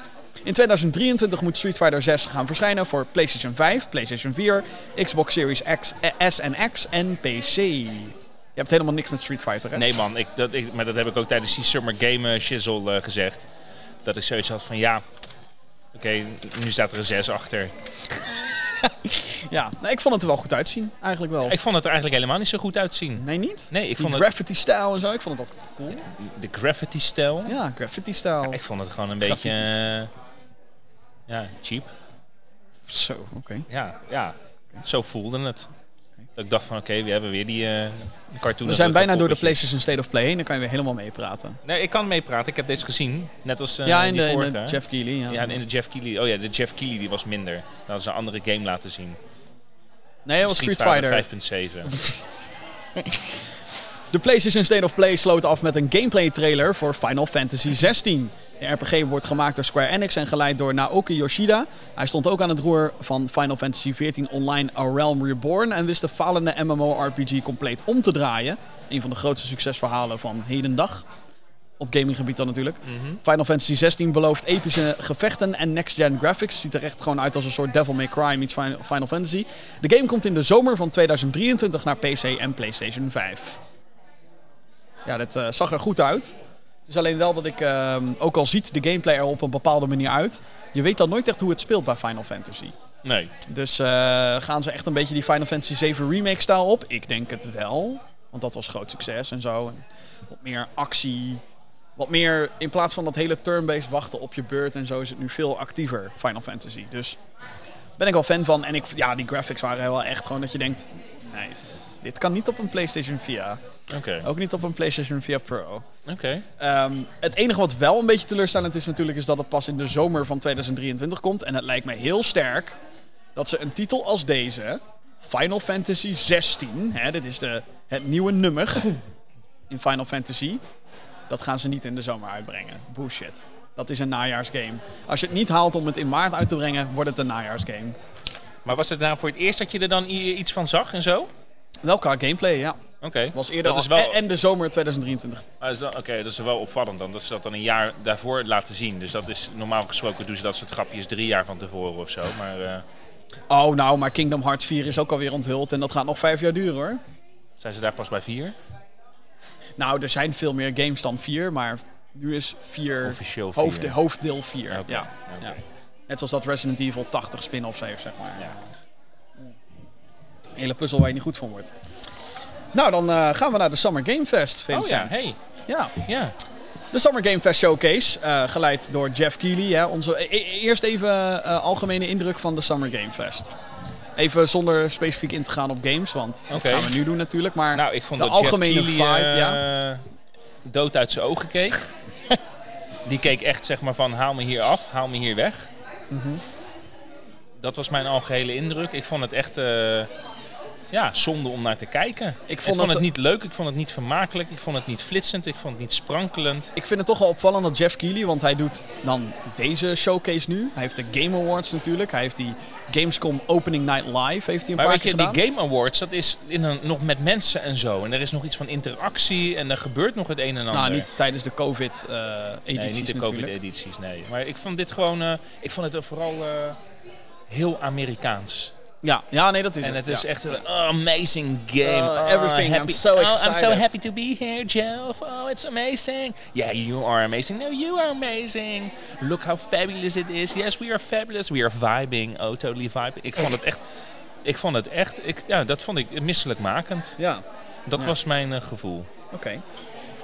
Ja, ik, ehm, ik, ik, vond het, ik vind het opvallend hoe Jeff Keighley en zijn team, want hij doet dat natuurlijk echt niet alleen maar in zijn eentje. Maar zij weten echt niet hoe ze een show moeten in elkaar moeten zetten. Een programma, zeg maar. die lekker gaat. En dat ze ook gewoon nee durven te zeggen tegen bepaalde mensen, celebrities of, of eh, sponsorships. Want er was ook een segment waarin Dwayne Johnson Ja, ja. In zijn- die energiedrank. ja, in zijn, in, eh, met een telefoon filmde hij zichzelf alleen maar. En hij was alleen maar aan het lullen over... Oh ja, ik zit dus in Fortnite, maar dat wisten jullie al. Want ik doe deze blik. En dan doet hij zijn iconische Dwayne Johnson blik. En dan zit hij, ja, en jullie moeten allemaal... Zoe Energy Drink moeten jullie drinken. En eh, oh ja, ik zit ook in de nieuwe Warner Brothers eh, DC film Black Adam. Ja, maar dat was het. Dat- dat- dat- Letterlijk niks Maar, over maar een waarom game zit ik nou eigenlijk naar een DC-trailer te kijken? Ja, nou ja, omdat... eh, money. Ja, Dwayne Johnson, money. dus dat... eh, ja, ik vond het een beetje meh. Ja. Ja. En ehm, nou ja, wat ook heel slecht was aan die presentatie, vond ik dan, is dat de Summer Game Fest Showcase in het teken leek te staan van science fiction space horror games.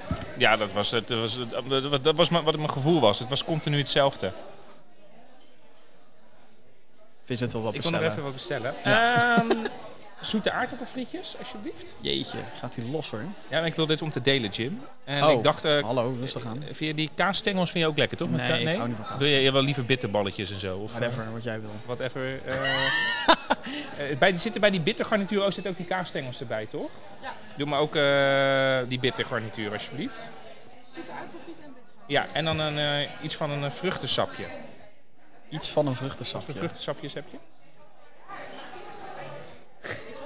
Is goed, perfect. Dank je. Ja, moet toch eten. Ja. ja, zeker als je zo'n lange show hebt inderdaad. Ehm, waar waren we? Oh ja, Summer Game Fest. Eh, die leek namelijk in het teken te staan van science fiction space horror games. En dit was echt, echt overkill. Gewoon. Ja, dat klopt. Eh, naast gameplay van de Callisto Protocol werden er ook andere games in dit genre onthuld dus. De eerste is Aliens Dark Descent, een top-down shooter die zich plaatsvindt in het universum van de filmfranchise.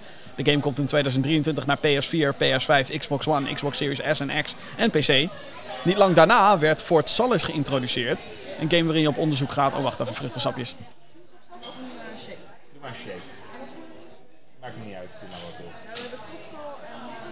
Doe maar Tropical Vincent. Tropical. Doe maar Tropical. Eh, nee, doe voor mij nog maar een leffe blond alsjeblieft. Oh, wacht, ik ga het moeilijker maken. Doe maar voor mij zo'n eh, lekkere ijskoffie die jullie hebben met vanille. eh, of- of- ja, met vanille of witte chocola. Die, eh, In plaats van shake. ja, ja.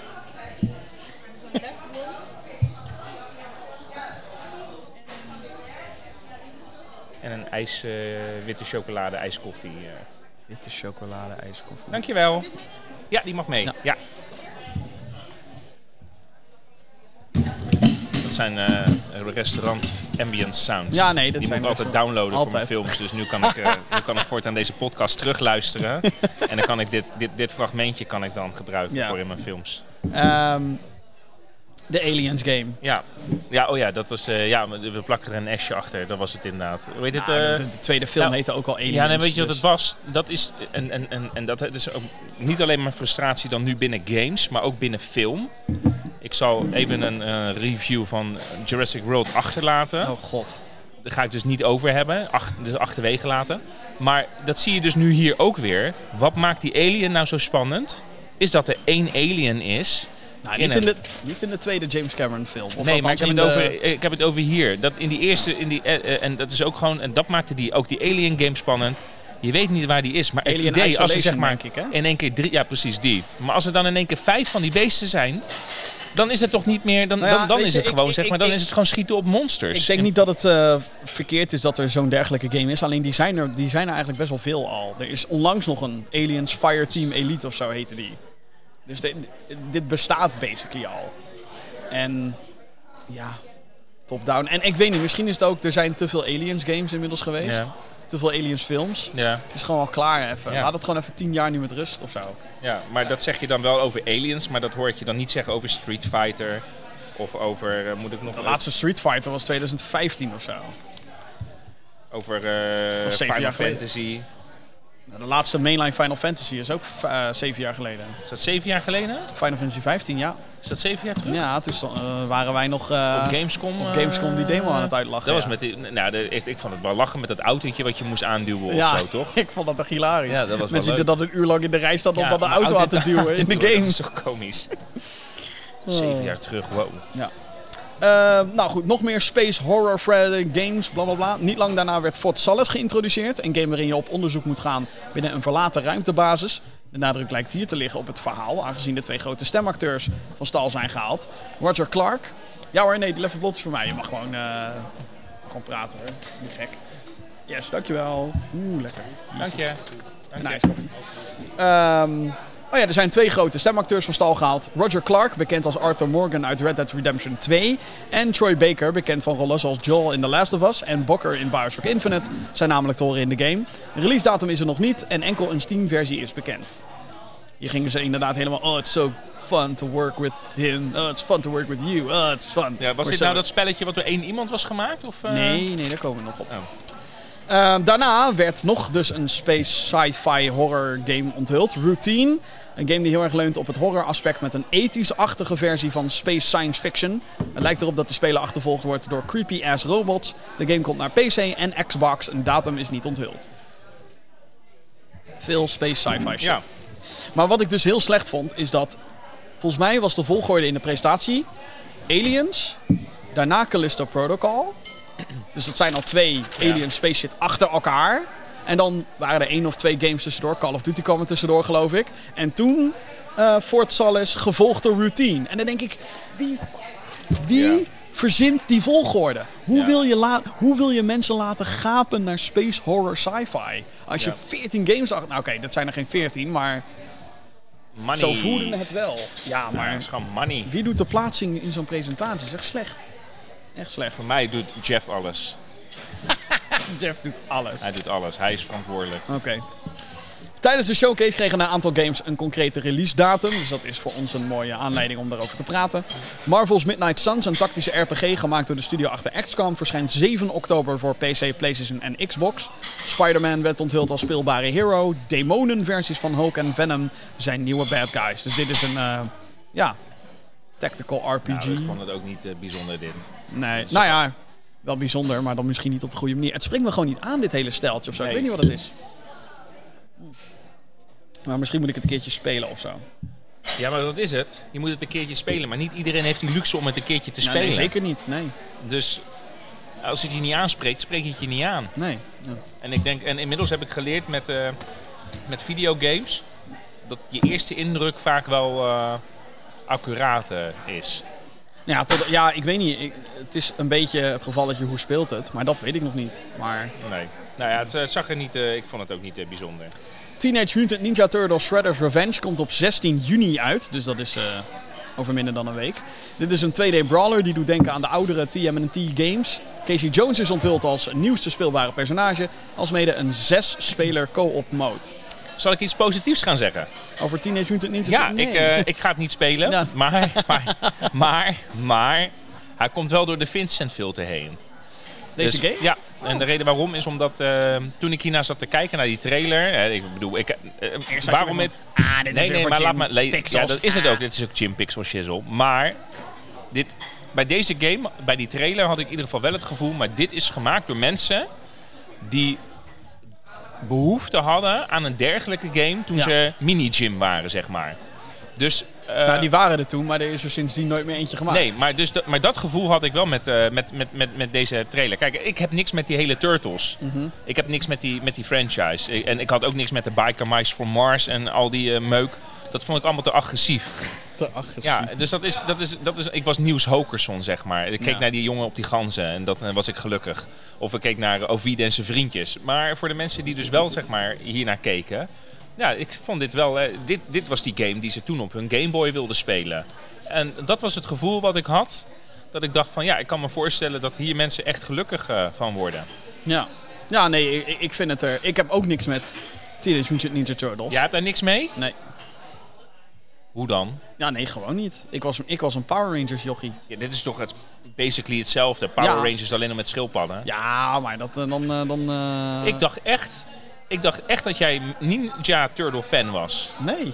Nee, nee, niet per se. Ik Nou vind, ja, het, je, ik vind de franchise... ook weer terugnemen. Ik denk, ik doe jou even gewoon een Nee, beetje ik vind de maken. franchise, ik vind de franchise heel aansprekelijk, zeg maar. Ik heb zeker wel een aantal van die games gespeeld. Ja.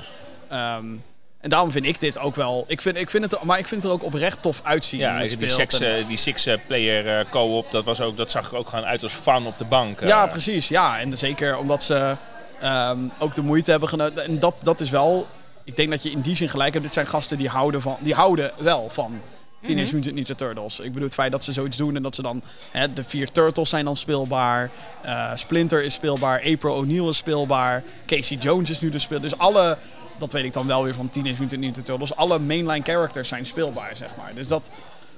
Daar hebben ze echt wel... Het is, het is een eh, product of love. Ja. Komt ook trouwens dag 1 naar Game Pass. Dus mocht je een Game Pass eh, abonnee zijn, dan zit deze game inbegrepen. Vanaf 16 juni dus. Oh ja, en verder komt hij uit op alles. Dus Switch, PlayStation, PC. Maar dit ga jij spelen, dit ga je halen. Nou, dat, dat weet ik niet per se. Ehm, maar als jouw broertje bijvoorbeeld zegt, kom we gaan gameavond doen. Mario Ja, Strikers is, maar dit is, leuk uit. voor zo'n avond, Ja, hè? Mario Strikers is nu, die Mario voetbalgame is nu uit. Nou, gaan we dat even doen en dan daarna, nou, eh, even hier even klaar mee, even een potje Smash. Of gaan we een leveltje 10 Ja, nee, maar Turtles. precies. eh, nou, dat gevoel had ik ook met deze. ja, Eh, Cuphead, The Delicious Last Course, de lang verwachte DLC voor de ultra moeilijke 2D-platformer uit 2017, komt eindelijk uit op alle platforms. Vanaf 30 juni kan er weer gesprongen en geschoten worden. Dit is die game met die eh, Ja, ik weet het. Die, jaren die, eh, 30 ja, ik weet eh, ja. Disney-stijl. Ja. Heel tof. Ehm, maar jezus, dat het vijf jaar geduurd heeft om DLC uit te brengen, is wel heftig, vind ik. Mhm. Maar goed, het is er. En daar zijn onze bitter garnituurtjes. Hey, dankjewel. Perfect. Ja hoor, zijn meneer. Zo. Dankjewel, komt goed. Ehm, als laatste werd er een release datum onthuld voor, daar is jouw game, Midnight Fight Express. Een game die knallen en vechten combineert in een isometrisch perspectief. Zeg maar gerust Sifu meets John Wick. De game wordt gemaakt door één dude. Ik ga zijn Oh ja. naam, ik ga zijn naam ga ik verpesten. Jacob Zwinzel, Zwinel, denk ik. Surinel. De game komt uit op 23 augustus en komt naar PlayStation 4, Switch, Xbox One en PC. Een demo is nu speelbaar op Steam. Heb ik geïnstalleerd staan, nog geen tijd gehad om te spelen. Maar dit is een game. Zoek maar op. Midnight Fight Express. Dit ziet er ja, fantastisch dat, maar uit. het deed me ook een beetje denken aan eh, dit, ik- ik- dat dit niet bij de Devolver zat, bij wijze van. Snap je wat ik bedoel? Ja, ja, ja. Die ja, nee, het vibe is echt een. Devolver game. Ja. Maar er was er ook zo één, zeg maar, die, eh, waarbij je ook van top-down alles moest eh, neermaaien en zo. eh. ja, dat is deze, denk ik. Nee, maar bij Devolver had je ook zo'n type game. Daar deed het me heel erg aan denken. Oké. Ja, die eh, Miami of zoiets, of... Hotline Miami? Hotline Miami? Nee, was, dat- kan dat Ja, dat is een? Devolver game. Ja, Hotline Maar dat is ook van top-down Oh, met ja, ja, ja. en- ja, Ja, volgens mij deed het me daar aan denken. Oh, ik dacht dat je bedoelde de presentatie. Maar Nee, ik denk, nee, nee, nee, oh, nee, die- die de Hotline. Miami. Ja, ja, ja, ja, ja, nee, klopt. Maar dan denk ik wat minder hardcore, want Hotline Miami is wel echt hardcore hoor. Dat is eh, één hit en je bent dood. eh. Maar maar knap dat, dat, dat zo'n eh, one-man band, dat die dan... ja, nou, dat is wel een gast die heel wat ervaring heeft eh, gehad.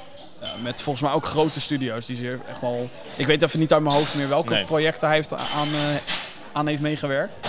Maar ehm, ja, het is wel echt een ervaren dude, zeg Ja. maar. Maar goed, desalniettemin heel indrukwekkend dat je dit in je eentje kan maken. Dan eh, een blokje voor Vincent. Er werden een paar games onthuld die eh, de interesse van Vincent wisten te pakken.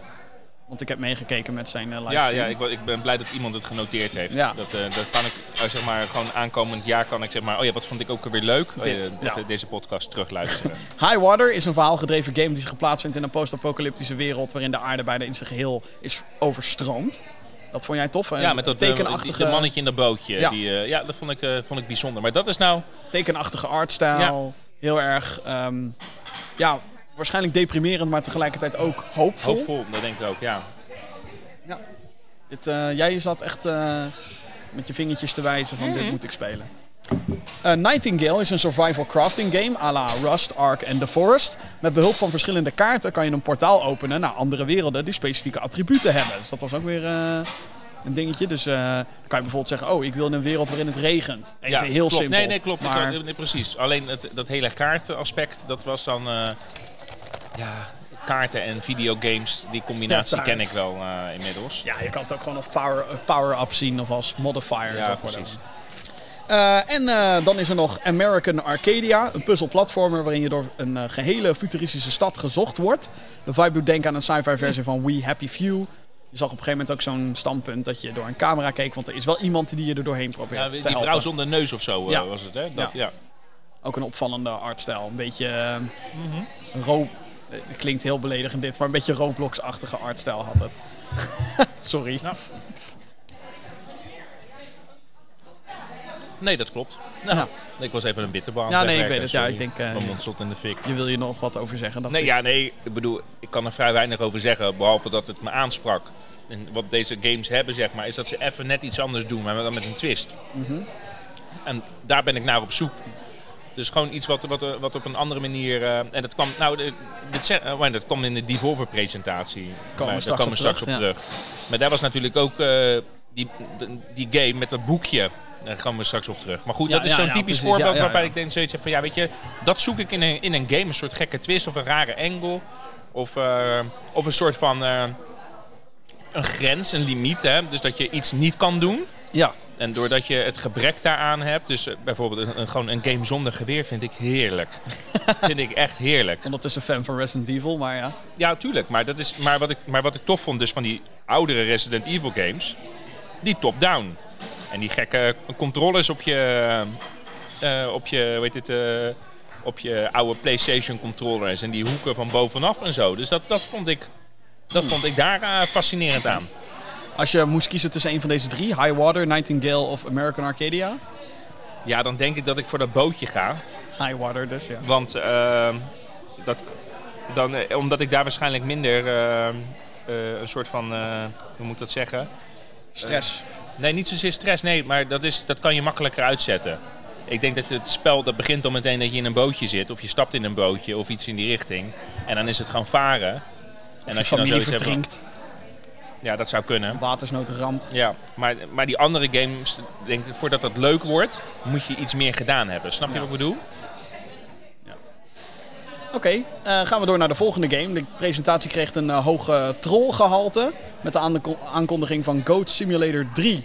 De trailer leek in eerste instantie bijna op één op één op de onthullingstrailer van zombie game Dead Island 2. Maar bleek later dus de aankondiging van de nieuwe geitengame te zijn.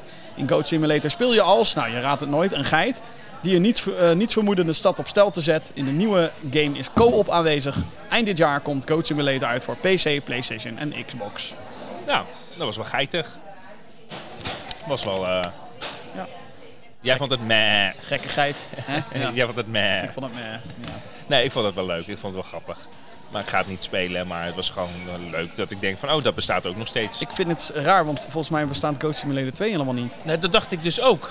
Maar ik denk dat die wel bestaat. Oh, die bestaat wel. Ja, dat denk ik. ik denk dat, want waarom zou je het anders drie noemen? Ja, om te trollen. Om hahaha. Of, eh, Ik denk dat het wel bestaat. ja, ik eh, zie dus gewoon geen... eh, Oké. Grappig. Ja, nee. Er bestaat geen game die heet Coach Simulator 2. Oké. Humor. Haha. Denk ik, van hun. Ja. Horror Studio Blooper Team heeft zijn nieuwe project aangekondigd. Eh, het is een nieuw deel in de horror franchise waar ze bekendheid mee kregen. Layers of Fears heet het nieuwe project en lijkt vooral veel invloed van de eerste game mee te krijgen. Allang is min of meer bekend dat deze studio bezig is aan een Silent Hill game, maar deze aankondiging brengt weer wat meer twijfels aan die rumors. Layers of Fears komt begin 2023 uit voor PC, PlayStation 5 en Xbox Series S slash X. En dit is dus zo'n horror game waar je gewoon moet rondlopen en dan krijg je een schrik-effect. En dat heeft dan te maken met een schilderij. En een, Ja. althans, de eerste game heeft dan te maken met een fucked up artiest die eh, geobsedeerd was met zijn art. Ja, maar dat, eh, wat, wat is ik... nou, ja, dan ga ik natuurlijk weer iets zout zeggen. Ja. Ik ben altijd een beetje zout. Ik, ben, ik inderdaad wel dat ik salty man ben. Sorry. Salty Man. Nee, maar wat ik dan heb, dus hier weer mee is van, oké, wanneer is het klaar? Ik bedoel, op Nu den duur... niet. Nee, maar op den duur weten we het toch wel dat die schilderijtjes wat doen en dan is het toch gewoon klaar. Ik bedoel, dat in deel 1 dan heb ik zoiets van, oké, hè, Ja, artiest... deel 2 ging volgens mij over een schip, geloof ik. Oké. Layers of Fear 2. Ja, ik heb deel 2 niet gespeeld, maar we gaan dus nu weer terug naar de schilderijtjes. Ja.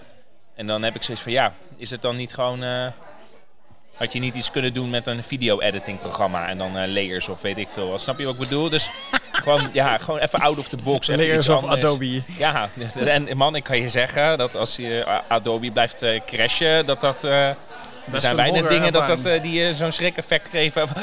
laat die weer opnieuw of laat die niet opnieuw. Maar dus dat. Dus gewoon van ja, oké, gaan we weer terug naar de schilderijtjes. Kunnen we niet iets anders bedenken? Ik denk dat ze deze titel dus hebben gekozen omdat ze inderdaad bezig zijn met de Silent Hill game. Ik denk het. Omdat ze weer Silent Hills willen gaan pushen. Ja, want je had Silent Hill, Silent Hills. Ja. Hè? Dat moest PT worden uiteindelijk. Is natuurlijk nooit van gekomen. En nu Layers of Fear, Layers of Fears. Motherfuckers. Gewoon motherfuckers. Oké. Ik denk dat het, ik weet niet. Het is iets te. Ik vind er iets te veel op lijken, zeg maar. Zo van, Ja. Oh, we gaan een S erachter doen. Terwijl het eigenlijk niet eens echt. Layers of Fear was zeg maar gewoon een goede titel. Ja. Layers of Fears klinkt goedkoop, vind ik. Fierce. Fierce. Ja, Layers. layers of fierce. Layers was ook wel een goede eh, naam geweest. Layers. En alleen layers. Weet ik niet. Layers of fear klinkt gewoon... eh, Oké. Oké. Maar even, waarom staat er Blooper Game? Oh, zo heette die blooper, gasten. blooper Team. Zo heten ze. Dat is echt een kutnaam. Ja, we hebben het alleen maar over hoe kut alles is. Blooper Team. Ja, blooper Team. Ja, ik verzin die niet, hè. Ik, Nee, dat eh, weet ik. Nee, dat snap ik. De first-person shooter Witchfire is opnieuw onthuld. De game werd voor het eerst getoond tijdens de Game Awards 2017, dus het werd hoog tijd voor een nieuwe trailer. Het is een roguelike first-person shooter die middeleeuwse fantasy mengt met steampunk wapens. De game wordt gemaakt door The Astronauts, de makers van The Vanishing of Ethan Carter. Een early access versie verschijnt dit jaar later, of eh, later dit jaar, sorry, op de Epic Game Store. Hype as fuck voor deze game. Ja? Want? Ja. Dit is gewoon een game. Ik vind de stijl zo vet hiervan. Het is zeg maar die actie en. Ik vind het gewoon tof dat we weer een keer een shooter krijgen in een fantasy setting. Dat krijgen, krijgen we niet zo vaak. En ehm, ja, dat, niet dat ik zeg iedereen moet dat nu gaan doen, maar we zien dat weer een keertje. Het hele roguelike gebeuren vind ik ergens ook wel jammer, want ik, dat hele roguelike gebeuren, ik bedoel, ik speel ze nog maar al te graag. Maar eh, het, het wordt nu een beetje een go-to genre. En het zou, ik zou het dan juist wel weer verfrissend vinden als je als zijnde ontwikkelaar van Witchfire gewoon zegt... laten we gewoon een hele strakke, toffe campagne neerzetten. En that's it.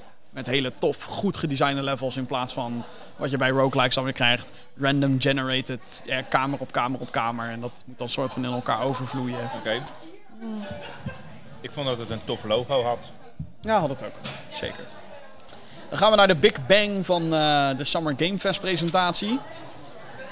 Naughty Dog eindigde de Summer Game Fest Showcase met de aanwezigheid van studiohoofd Neil Druckmann.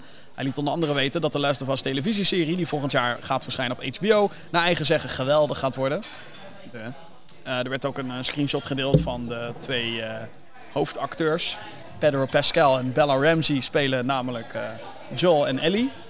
En eh, Bella Ramsey kan je kennen van eh, Game of Thrones. Als die, eh, die hele jonge, dat meisje wat tegen al die Starks, Northmen zei... Ah, u moet het gewoon zo doen, verdomme. Ik weet even In niet het meer wat... laatste deel of zo ergens. Ja, zij werd in... nou, wacht, spoilers. Maar ja, zodra ik een foto laat zien, zeg je... Oh ja, ja, ja, die chick uit Game of Thrones. Oké. Ehm, heel jong was ze toen nog. En dan die dude ook uit de Game of Thrones. Pedro Pascal, ook uit Game of Thrones. Ja, en The Mandalorian Ja, en ik. Ik Narcos. maak, ik en maak weet een ik grapje. Ik, maak, Ja. ik vind hem heel tof. Ehm, en Neil Druckmann regisseert trouwens zelf ook een aflevering van de serie. Ja. Er werd ook gesproken over het Last of Us multiplayer project. De game begon als een extra mode voor The Last of Us Part 2, maar wordt nu een volledig nieuwe ervaring. In 2023 horen we meer. Het enige wat we nu weten is dat het heel groot en ambitieus is en dat het zich in San Francisco gaat afspelen. En dat het dus een gehele nieuwe cast aan characters gaat hebben. Dus niemand van The Last of Us 1 en 2. Oké. De daadwerkelijke aankondiging, hè, dit, want die multiplayer was alleen maar één concept art ding. De daadwerkelijke aankondiging was die van The Last of Us Part 1. Call dit, dat die zo ging heten, call dit in deze podcast. Dit is waarom je moet lu- luisteren, omdat ik soms shit goed voorspel. Eh, het wordt een remake van de eerste game in de serie. Eh, de nieuwe versie blijft trouw aan het verhaal en script van de game. Eh, zij het met grafische verbeteringen. The Last of Us Part 1 verschijnt op 2 september voor PlayStation 5 en komt later naar PC. Ja, jij was ik vond dat niet zo lauw, maar ik wel. Jij wel. Ik wel, ja. Waarom? nou, oké, laat, laat ik eerst met mijn kritiek komen dan. Mijn probleem met deze remake, en dat heb ik al eerder uitgesproken toen de rumors er al waren en het al duidelijk was dat dit project van studio naar studio naar studio ging om uiteindelijk dus bij Naughty Dog zelf terecht eh, te komen. Het probleem dat ik heb, is dat The Last of Us. Je kan eigenlijk heel weinig halen uit een remake. Zeker een remake van deze aard. Ze hebben ook hè, van die comparison, vergelijking, screenshots en, en, en, en, en beelden gedeeld. En het is gewoon niet zo. Ik denk, ik denk dan echt, tuurlijk, het ziet er beter uit. Hè? De details van Ellie en je ziet nou daadwerkelijk het zweet op de voorhoofd en dat soort dingen. I get it, maar het is gewoon. Inderdaad, flikker die shit maar neer, want waar is de meerwaarde? Ik, ik, ik, zie het niet. En tuurlijk, als je The Last of Us 1 nog nooit gespeeld hebt, hoe durf je boe boe boe boe boe? Of nog niet uitgespeeld heb. Zo, bro, wat? Ja, waarom denk je dat ik het niet erg vind? Ik heb Ja, nee, prima. Maar ehm, dan zeg ik alsnog speel de remaster, want die zitten ook nog prima Tuurlijk niet. uit. Ik ga wachten op part 1. Vriend. Ik ga, Maar ja, dan moet je wel weer 70 euro neerleggen. Ja, nou en? map. Ja, nee, ja, kijk, ja, dat is dan jouw keuze. Ehm, maar ik vind... Ik, Jij gaat ook 70 euro neerleggen. Waarschijnlijk, maar nee, nee, nee, nee, nee. Nou, weet ik niet. Nou, dan lenen we dat dingen van elkaar. Zoals dat gewoon hoort te gaan met games. Want ik heb The Last of Us Remastered al een paar keer uitgespeeld natuurlijk. Ja, ik heb het ook gespeeld. Ik heb, ik- het was mijn COVID-game in 2020. Maar je hebt hem niet uitgespeeld. Covid Nee, want best er ging iets mis met... eh, ja, COVID is nog steeds. Ja, Dat dat is wordt waar. mijn COVID-game van het najaar misschien. Hoe heet het? ehm, eh, het was zo dat... ehm, we zaten bij een campaign en we speelden hem op heel moeilijk natuurlijk. Oh ja. En toen waren we denk ik nou, dat we het volgens mij 40 keer opnieuw die eh, baas moesten verslaan ergens. eh, lukte het niet. Toen hadden ze iets van... eh, komt wel morgen, maar die morgen was nooit gekomen. Als de morgen nooit gekomen is. Maar toen ik dit zag, had ik zoiets van... Oké. Weet je, of ik, dat ik nou weer eh, opnieuw voor de vierde keer de eerste tien uur van dat spel eh, moet gaan spelen, dan eh, doen we dat nog wel een keer. Maar dan in betere kwaliteit. En als hij nou dat leuk Maar- vindt om dat te doen... Je ben hebt helemaal geen PlayStation 5 vriend, dus je kan het helemaal niet spelen. Nee, maar het komt op de PC, vriend. Ja, oké, later. Ja, oké. Ja. En tegen de tijd dat dat spel gereleased is, zit ik en ik een PlayStation 5 Pro heb, dan kan ik The Last of Us Part 1 Remastered spelen. We weten allemaal dat het gaat gebeuren ook. Dat is het erger. Nee, maar het is een onnodige remake. En eh, Tenzij die, tenzij die Netflix-serie eh scheisse is, dan hoef ik het waarschijnlijk helemaal niet meer te spelen. HBO bedoel je. Oh, HBO. Ja. Ja, ook goed. Maar oh, kijk- ja, Resident Evil kwam naar Netflix. Daar hebben we het nog niet over gehad. Nee, gaan we ook niet meer doen deze aflevering. Ehm, maar kijk, het, het, aan de ene kant, ik snap het, weet je wel, want inderdaad, de serie komt eraan. Dus je wilt dan een product hebben wat daaraan gelinkt wordt. En dat wil je op je nieuwe console hebben. Ehm, maar het feit dat ze, en ik ben ergens blij dat ze niet aan het verhaal gaan klooien en niet aan het script gaan klooien, ben ik ergens ook wel blij mee. Dus in die, Maar wat ik wel, eh, om even daarop in te haken, Ja. ik schrok wel dat er sommige voice dingen opnieuw gedaan moesten worden. Hoe kom je daar nou weer bij? Waar hebben ze dat gezegd? Dat hebben ze in die Summerfest eh, shizzle gedaan. Ze zijn opnieuw eh, naar die studio gegaan voor sommige stukken. Oh, dat is wel goed. Oh, oké. Nou, dat vind jij fijn. Nou ja, wel met die originele acteurs neem ik aan. Ja, ja, ja, ja. Maar, oké. Oh. Oh. Hm. Oké. Ik dacht, het wordt gewoon een shot-for-shot remake van... eh, Ja, Van het waar, eh, origineel. sommige elementen werden opnieuw in de, in de studio opgenomen. Hm. nou ja, op zich. Oké. Dat zal wel. Maar... Het is niet alsof ze, althans, dat is wat ik eruit opmaak. Het is niet dat ze het verhaal echt gaan veranderen of Nee, zo. nee, nee, nee. Dus daar ben ik weer blij mee. Maar dat maakt de remake ook weer, dus weer zo onnodig, vind ik. Omdat je... Ja, het is ietsjes mooier. En ja, ja het is mooier. Ja, het is maar, wel het, mooier. maar het is niet dat ik denk... Wow, het is niet Resident Evil PlayStation versus Gamecube remake. Of Resident Evil 2 remake. Of 4 remake. Daar zit zo'n groot verschil in. En hier heb ik zoiets van... Ja, het is mooier, maar... Hè? En dit is wel wat ik even wil zeggen. Dit wil ik even gezegd hebben. Statement. Statement tijd Ja. ik zag heel veel andere mensen op social media er hetzelfde over denken. Maar die zijn echt boos. En ik ben niet zozeer boos. Ik heb zoiets van, weet Waarom zou je... je boos zijn? Nou ja, precies. Maar, en, en daar kom ik zo op terug. Kijk, ik ben... Ik ben niet boos, ik ben teleurgesteld. Ik heb zoiets van, waarom remake je dit? We hebben de remastered versie en die is ook nog steeds prima. Dat is mijn optiek. Hè? Het origineel, dus de PlayStation 3 versie, is nog maar 9 jaar oud. Dus zo oud is het niet. En je ziet gewoon dat technologie qua graphics in games een stuk minder vooruit zijn gegaan dan daarvoor. Dus PlayStation 2, PlayStation 3, groot verschil. PlayStation 1, PlayStation 2, groot verschil. Super Nintendo, PlayStation, groot verschil. PlayStation 3, PlayStation 4, ja, zeker, verschil. Zeker. PlayStation 3, PlayStation 5. Ja, maar meer qua prestatieverbeteringen, niet zozeer qua graphics verbeteringen. En daarom was die remaster van The Last of Us zo tof, want dan kon je de PS3 game spelen op 60 frames per seconde. Yay! Dus ja, het is. Het voelt eerder als een remaster op een remaster in plaats van een. En ook dat hele from the ground up build voor PlayStation. Fuck off. Je gebruikt gewoon de meeste voice lines van het origineel gebruik je. Je gebruikt de meeste animaties van het origineel. Die hebben jullie gewoon uit jullie database geplukt. En gewoon in deze engine geflikkerd. Dus rebuild van the ground up. Daar geloof ik niet helemaal in. Vind ik een beetje marketing spiel.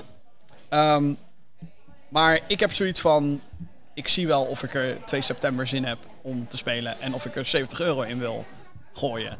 Uh, op dit moment merk je misschien, wow, voor mij is het niet nodig. Ik ken het verhaal van The Last of Us. Ik vind het een prachtgame. Nog steeds een van de beste games ooit gemaakt. Um, dus dat betreft prima. De ophef die ik zag op internet was inderdaad vooral... Huh, hoe durf je hier 70 euro voor te vragen? Huh, ja, dat snap ik wel. En de meeste... En ik snap dat. Maar dan denk ik... Oké, dus jij bent iemand die net zoals ik The Last of Us al gespeeld heeft. Waarom ben je dan boos? Skip deze remake dan gewoon. Ik had hier met. Ehm, en ik heb hier meerdere mensen over gezien hoor. Die zijn echt oprecht boos. Omdat ze een soort verplichting voelen om de game alsnog te kopen. Maar die mensen zijn er dus gewoon. En die worden dan fucking boos dan op een. jij een probleem? Nou, maar exact. Nou nee, dan zijn zij onderdeel van het probleem. Waarom denk je dat Sony dit doet? PlayStation. Omdat ze dit fucking veel geld gaan opleveren. Omdat er heel veel mensen zijn die A. nog nooit de Last of Us hebben gespeeld. En B. Zoals jij. die, die nog niet hebben uitgespeeld. Nou, en nee, C. nou, nee, mensen die het al wel helemaal hebben gespeeld. Fan zijn.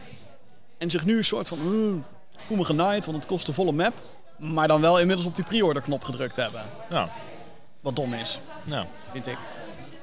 Ja, als jij boos bent, moet je dat niet gaan kopen. Nee, ik vind dat als, als jij vindt dat een bedrijf bullshit ja, doet... ik had dat met mijn nieuwste Samsung. Ik heb een nieuwe telefoon. Oh. Een tweedehands Samsung S20. Een tweedehands? Ja. Ik had zoiets van, uh, waarom zou ik geld gaan uitgeven aan die S22? Ja. Nou, tweedehandsje krijgt een tweede kansje bij mij. Ja. ja. Oké, okay, ja. ja. Dus dat is een beetje zeg maar mijn mindset nu. Als je het niet goed vindt, dan koop je het niet. Nee, precies. Dus um, ja, ik denk, ik denk ook, ja, ik, ik weet het niet wat het verder met deze game gaat worden. Ik denk, het zal ongetwijfeld de hemel ingeprezen worden, want het is de Last of Us. En hij zal ongetwijfeld nog steeds geniaal zijn. Is dit een release waarvan ik zeg, nou, september kan niet meer stuk? Gaat Jim het uiteindelijk halen? Ja, dat weet ik wel zeker. Ja. Hmm, ik weet niet. Wat komt er in september nog meer uit? Oh, wacht. Jack shit. Oh ja, dat is waar ook. Maar goed, ik heb nog een backlog van heb ik jou daar. Wanneer komt die Netflix-show? HBO. HBO, ja. Ja, ik moet het goed op... zeggen. Ja, nee, dat is prima. prima. Ik, ik Volgend jaar. niet goed te zijn. Volgend jaar, oké. Okay. Ja. Okay. Het uh, filmen daarvan is inmiddels afgerond. Ja. En dan gingen ze ook nog eventjes zeggen dat uh, Troy Baker ook nog een soort klein rolletje had. En Ashley Johnson, ja. ja. Dus degene die de stemmen deden van ja. Joel en Ellie in de game... hebben ook nog een andere rol in de serie dan hun daadwerkelijke rol. Joel en Ellie. Ja. Kijk, voor Ellie snap ik het, want Ashley Johnson is geen 14. Wat Ellie wel is in de game-serie, mm -hmm. het verhaal. Troy Baker zou denk ik prima nog Joel kunnen zijn. Al is hij niet echt zo beef als uh, nee. Joel dat is. Maar goed, acteurs kunnen daaraan werken, hè? Mm -hmm. Dus ja, dat was de Summer Game Fest opening showcase. Nog eentje te gaan. Ja. Devolver Digital hield namelijk ook zijn eigen showcase. De uitgever van kleinere games heeft al meerdere hits op zijn naam, zoals Hotline Miami, Enter the Gungeon, Death's Door en The Messenger. Tijdens deze presentatie uh, lieten ze onder andere een trailer zien van Card Shark. Deze was al uitgebracht op PC en Nintendo Switch. In deze game speel je als een valspelende kaartspeler. Zo, dat klinkt raar als ik dat hardop zeg. Valspelende kaartspeler. Oké, uh, wat er nieuw was, of althans nieuw, uh, deze niet aangekondigd, maar wel een release datum. Cult of the Lamb is een game waar je, waarin je als de leider speelt van een nieuwe gemeenschap die, ondanks zijn schattige uiterlijk, de duivel aanbidt. Het heeft een heel cartoony Happy Tree Friends vibe bijna. Het lijkt heel onschuldig, maar oei oei oei. Het is een mengeling tussen een dungeon crawler en een town builder. Ik denk ook een roguelike. Uh, de game heeft de release datum gekregen van 11 augustus voor PC, PlayStation 4, PlayStation 5, Xbox One, Xbox Series S en X en Nintendo Switch. Op Steam is hier ook een demo voor te downloaden. Dan Angerfoot, dat is een first-person game waarbij je door korte levels heen gaat en in Oh ja. één hit dood bent. Dit is een beetje Hotline Miami. Uh, het is een uh, over-de-top actiegame waarbij je deuren moet intrappen en snel moet reageren op vijanden. Verschillende objecten in de omgevingen kunnen gebruikt worden om vijanden mee uit te schakelen. Deze valt dus te vergelijken met Superhot en Hotline Miami. Een demo is uit op PC en de game verschijnt 2023. Deze vond ik te gek trouwens. Uh, de Plucky Squire heeft het internet in zijn bedwang. Dit is een game waarbij je speelt als een riddersknecht in een kinderkamer. Zodra je personage in een kleurenboek stapt, verandert de artstijl en de gameplay. Je kan uit het boek en de kinderkamer verkennen in 3D. En andere levels of werelden ontdekken, zoals een mok, waarbij de gameplay dan weer verandert in een scrolling shooter.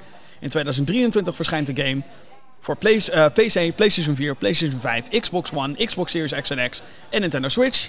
En als laatste was er Skate Story, een psychedelische game waarbij je als een soort character gemaakt van glas op een skateboard speelt. De artstijl is moeilijk te omschrijven en moet worden gezien om te kunnen geloven. De indie popgroep Blood Cultures maakt muziek voor de game die in 2023 moet verschijnen voor PC. Dat was de Devolver Digital Showcase. Ja, nou, ik vond het een hele leuke showcase. Was geweldig. Het was echt, eh, ik, heb me echt eh, ik heb me echt vermaakt. Ja, Ik, het eh, was natuurlijk weer voor een grotendeel een sketch ja, een sketch met kritiek op de gaming-industrie. De gaming-industrie. En dat doen ze ieder jaar doen ze dat. En ja, het, het, wordt, het wordt steeds groter, voelt het aan, zeg maar, hun, hun show. eh, En het wordt steeds gekker. En ik heb me, ja, ik heb me gewoon echt oprecht vermaakt. Ik vond dit wel echt een van hun beste, omdat het Ik en de humor beste, had, maar ik. ook echt gewoon goede games die er ja, op goede momenten tussen zaten. Want ze hebben ook van die showcase gehad dat ze echt maar twee games hadden. En voor de rest waren het allemaal van die Ja. jokes. En dan denk je wel van, eh... Maar hier zaten tenminste gewoon, hoeveel Ja. tel ik er? 1, 2, 3, 4, 5 games in een half uur. Niet en ehm, ik vond die, eh, die Cult of the Lamp vond ik er ook leuk uitzien. ja, Cult of the ik had Lamb een beetje, zelf had ik eh, dat eh, Don't Starve gevoel Ja, bij die, Ja. bij die game. Dus misschien dat ik die, als ik toch dat ding kan downloaden, misschien dat ik dat... Die demo, ja. Misschien dat ik die demo ga downloaden. ik heb al een beetje van die Angerfoot demo heb ik al Ja, gespeeld. ik heb het gezien. Te gek. Echt te gek. Je moet er wel een beetje van houden, van dat hele korte levels in één keer dood. Dus het is eigenlijk een soort van actiepuzzel je soort van oplost. Van, oh ja, als ik deze kamer binnenloop, staat links van me een gast. En tegenover me staat een gast, maar die heeft alleen een knuppel. En rechts van me staat een guy met een machinegeweer. Die moet ik als eerste doodtrappen, zeg Ja. maar. Het is echt wel... En je moet zo een- snel mogelijk naar de zolder toe lopen of zo. eh. ja, volgens mij is zo snel, je kan zo snel mogelijk. Volgens mij is het ook echt zo'n game waar speedrunners heel lekker op Ja. gaan. Uh, maar het, het, eh, het is geweldig. En het heeft ook een aparte stijl. Het is 3D, maar niet realistisch 3D. Een beetje cartoony 3D. Maar wel met over de top geweld erin. Ja, nou wat ik, ehm, ik vond in het begin vond ik de, vond ik de muziek tof. Want het was een, zeg maar, een soort relaxed beat die erin zat. Totdat toen je dan ging de actie. dan komt in één keer die actiebeat. Zo, maar op een gegeven moment werd het echt gewoon eh Jekyll en Hyde. Ja, Gewoon Frozen Flame jumpstyle Ja, muziek. ja. nee, dat klopt. Dat ging in één keer heel ver. En op den duur, zeg maar, als je dan even twee, drie keer zo'n level opnieuw doet en je hebt dan zes levels, eh, of je hebt dan eigenlijk al zeven keer iets gespeeld. Toen dacht ik, oké, nou wordt het echt te intens. Zo midden in de nacht, eh, die, eh, die muziek. Maar ik vond hem in het begin vond ik het wel vet. En toen dacht ik ook bij mezelf, het was eigenlijk misschien nog toffer geweest als je daadwerkelijk ook invloed hebt op die muziek. Door op, eh, Volgens mij door- heb je dat ook. Want hoe meer er gebeurt op je Ja. scherm, hoe intenser die muziek Nog wordt. intenser. Ja, Ja. ik dacht dus dat er eigenlijk alleen maar één layer aan muziek bij Nee, kwam. nee, nee, nee. Ik heb wel eh, meer. eh, tijdens die korte tijd dat ik de demo heb gespeeld, volgens mij heb ik echt maar een half uurtje eraan gezeten tot dusver. Ik wil die hele demo uitspelen. Mhm. Ehm, ik, eh, het is echt gek. Maar ik merkte wel echt dat, oh ja, nu is het intens, is het echt alles.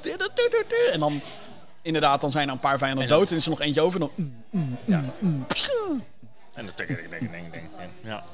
Ja. Nou, en die Plucky Squire zag er echt eh, heel Die Plucky eh, Squire is echt de game of the show. Dit is echt, dit heeft eh, iedereen. Wij wisten het al toen we het zagen van holy shit, dit is echt. Maar kijk, misschien heb ik geen justice gedaan met mijn tekst net. Omdat het is echt gewoon, als je in een kleurenboek stapt of in zo'n kinderverhaaltjesboek, Ja. ziet het er echt zo Ja, uit. een beetje Pixar, dat is het eerste wat je zei. Ja. Oh, Pixar. Was ja, ja, ja, de, de, de, trailer begon dat Ja. je die kamer binnen gaat. Het was echt zo'n eh, Andy's room ja. gewoon. Je heet het Sam's room, geloof ik. Ehm, maar dat kleurenbloem. En, en, en eerst dacht ik, net zoals denk ik het hele nu, gaat internet. het, nu gaat een verhaaltje starten. Ja, nee, alleen, die hele game is dat kleurenboek. Dat kinderboek. Toen dacht ik, oh, dit is leuk, dit is cute. En ineens springt dat character uit dat boek. En toen dacht ik, wow, what the fuck, dit is vet. En dat ziet er allemaal vet uit. Ja. Compleet aparte artstijl. En eh, een beetje eh, It Takes Two vibes had ik daar Het een beetje bij. erin, maar ook, en dat Niet de gameplay gek, trouwens, maar geen co-op. Maar Ik merk daar ook een beetje die, eh, die eh, laatste Super Mario game. Daar heb ik wel een beetje mee zitten Odyssey? kijken. Ja, het zou best Odyssey kunnen zijn, waarbij je dan af en toe ook in één keer op zo'n kasteelmuur dan in 2D moet ja, gaan. dat is eh, Odyssey. Ja. dus, dus, dus, dat, dat, dus het is wel vaker gedaan. ja, zeker. Maar de cuteness was met name wat mij inderdaad eh, heel, erg, eh, heel erg aansprak. Het lievige, het schattige. En, En het is nu natuurlijk de vraag hoeveel ehm, van dit soort modes er zijn. We hebben er vier gezien, geloof ik. Dus het, het kinderboek, in 3D in de kamer, een mok en nog een ander draaiding. Ja. Ehm, dus ja, ik zie het ook al gebeuren dat er zo'n, eh, hoe heet dat, die sketch en spin, Ja, ja, dat precies. ding. Ja, ja, ja. Eh, en en wat, wat ze nog meer kunnen, waarschijnlijk ook een televisie waar je in kan kruipen en zo. eh, Ja, het, zag er, eh, het zag er hartstikke leuk uit. heel tof, heel tof. Ga- game, en, maar Skate Story was ook echt, wat ik al zei, zoek de trailer op. Want dit is iets wat je in een podcast heel moeilijk kan uitleggen. Hoe Skate Story eruit zag, was echt, dat was art. Dus art in een videogame. Ik Nou, dat is sowieso wat Devolver heeft. En dat is leuk van Devolver, is dat ze echt, echt een soort van...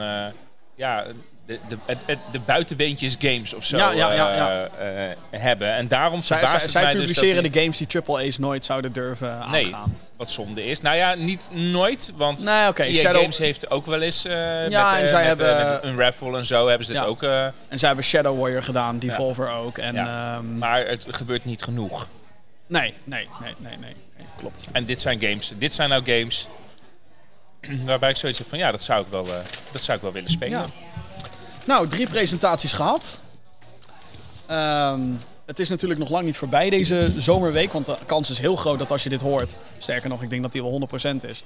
Dat als je dit hoort, dat dan de Xbox plus Bethesda Showcase is geweest. Daar gaan we het nu nog niet over hebben. Want op het moment dat we dit opnemen is die nog niet eh, gaande. Ehm, wat denk jij nog daarvan? Denk, verwacht jij nog iets? Denk jij dat... Ja, eh, mijn verwachting is gewoon eh, nul.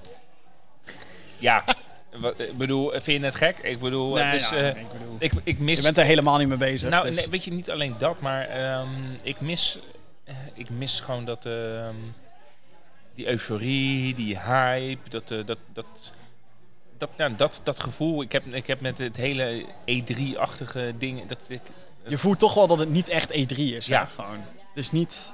je- ik, ik mis een stukje... Geen Square Enix, geen Nintendo. Nou, misschien dat ze morgen ineens zeggen, morgen Direct. Je weet het niet. Ja, maar, maar, Maar- dat is het. Het is allemaal een beetje te, te onsamenhangend. Het is, eh, het is niet... eh, en dan weet ik, nou snap ik wel echt, hè, iedereen doet zijn eigen showcase en zo. En ik begrijp het heel goed.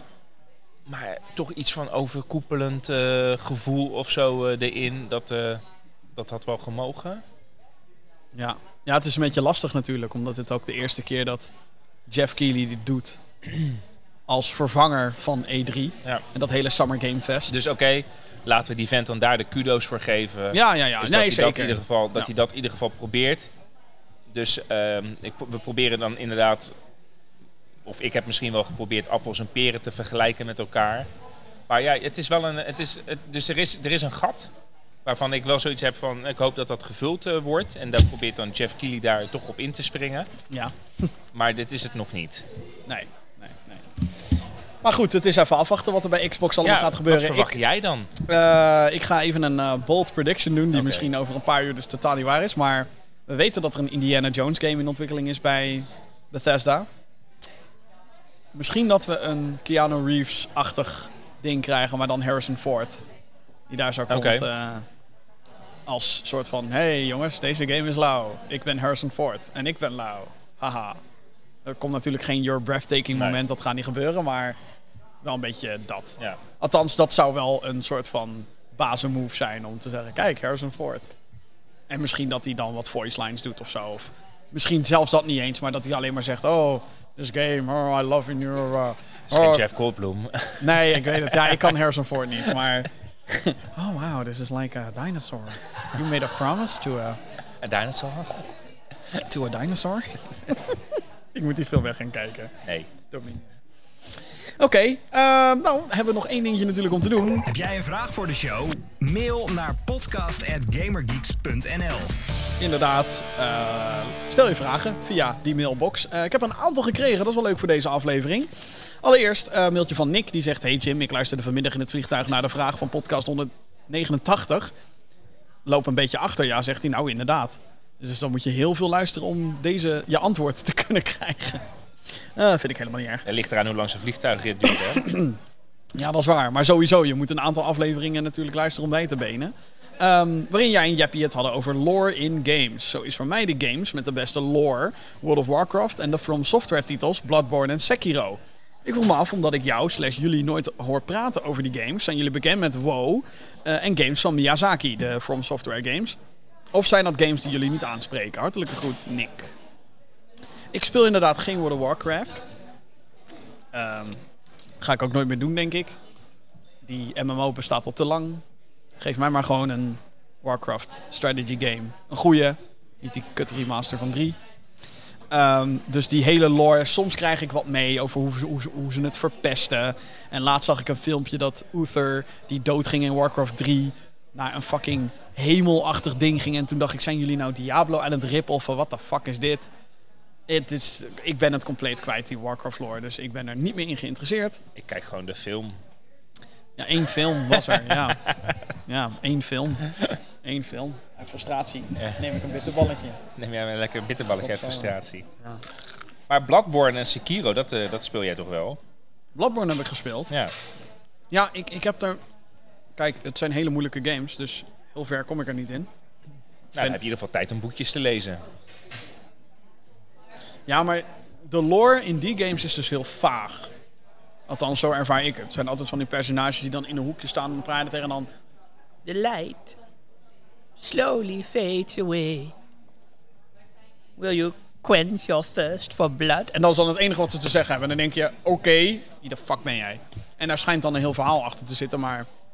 Weet ik veel, ik ben alleen maar bezig met overleven en monsters slachten. Ja, precies. Dus, en niet zoals bijvoorbeeld een Horizon, waarbij je echt gewoon een heel duidelijk gesprek hebt. Hallo, jij bent de leider van dit dorp. Ja, klopt, ik ben de leider van dit dorp. En jij bent een gekke Nora-jager. En eh, ja, er is een of andere dino die daar, zit daar moeilijk te doen. Oké, zal ik daar eens achteraan gaan?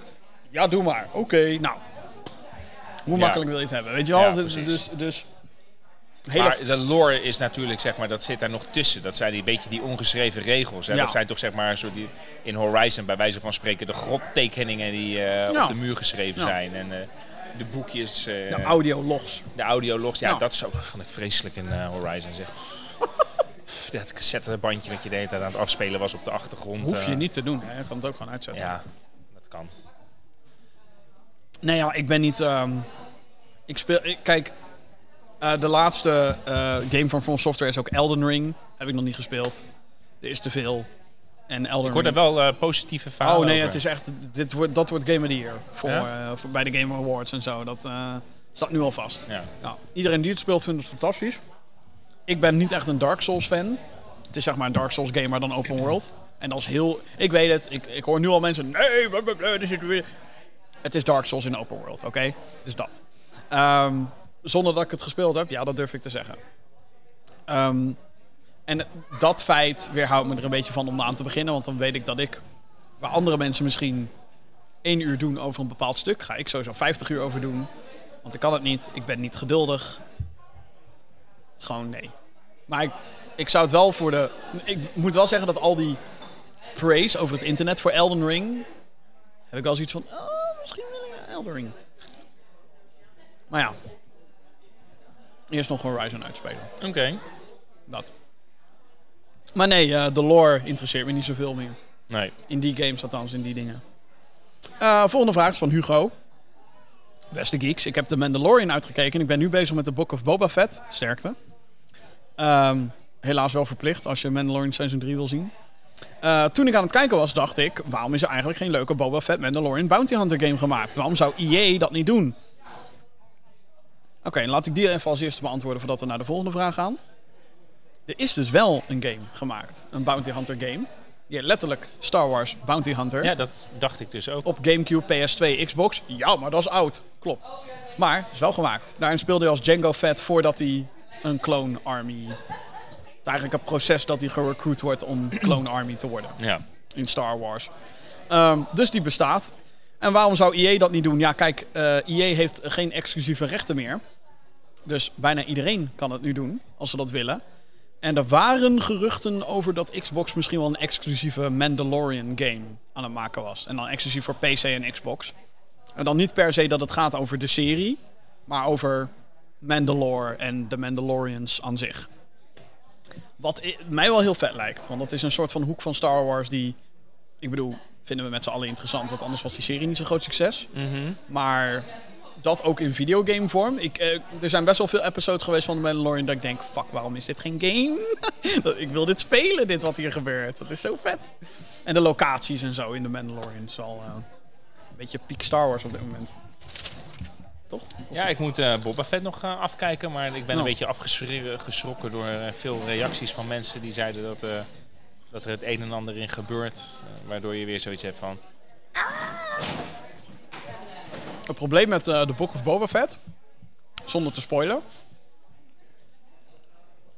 Er zijn zeven afleveringen. ja, En twee afleveringen daarvan gaan volledig over The Mandalorian. Dus Aha. niet over Boba Fett. En ze hebben het karakter van Boba Fett veranderd.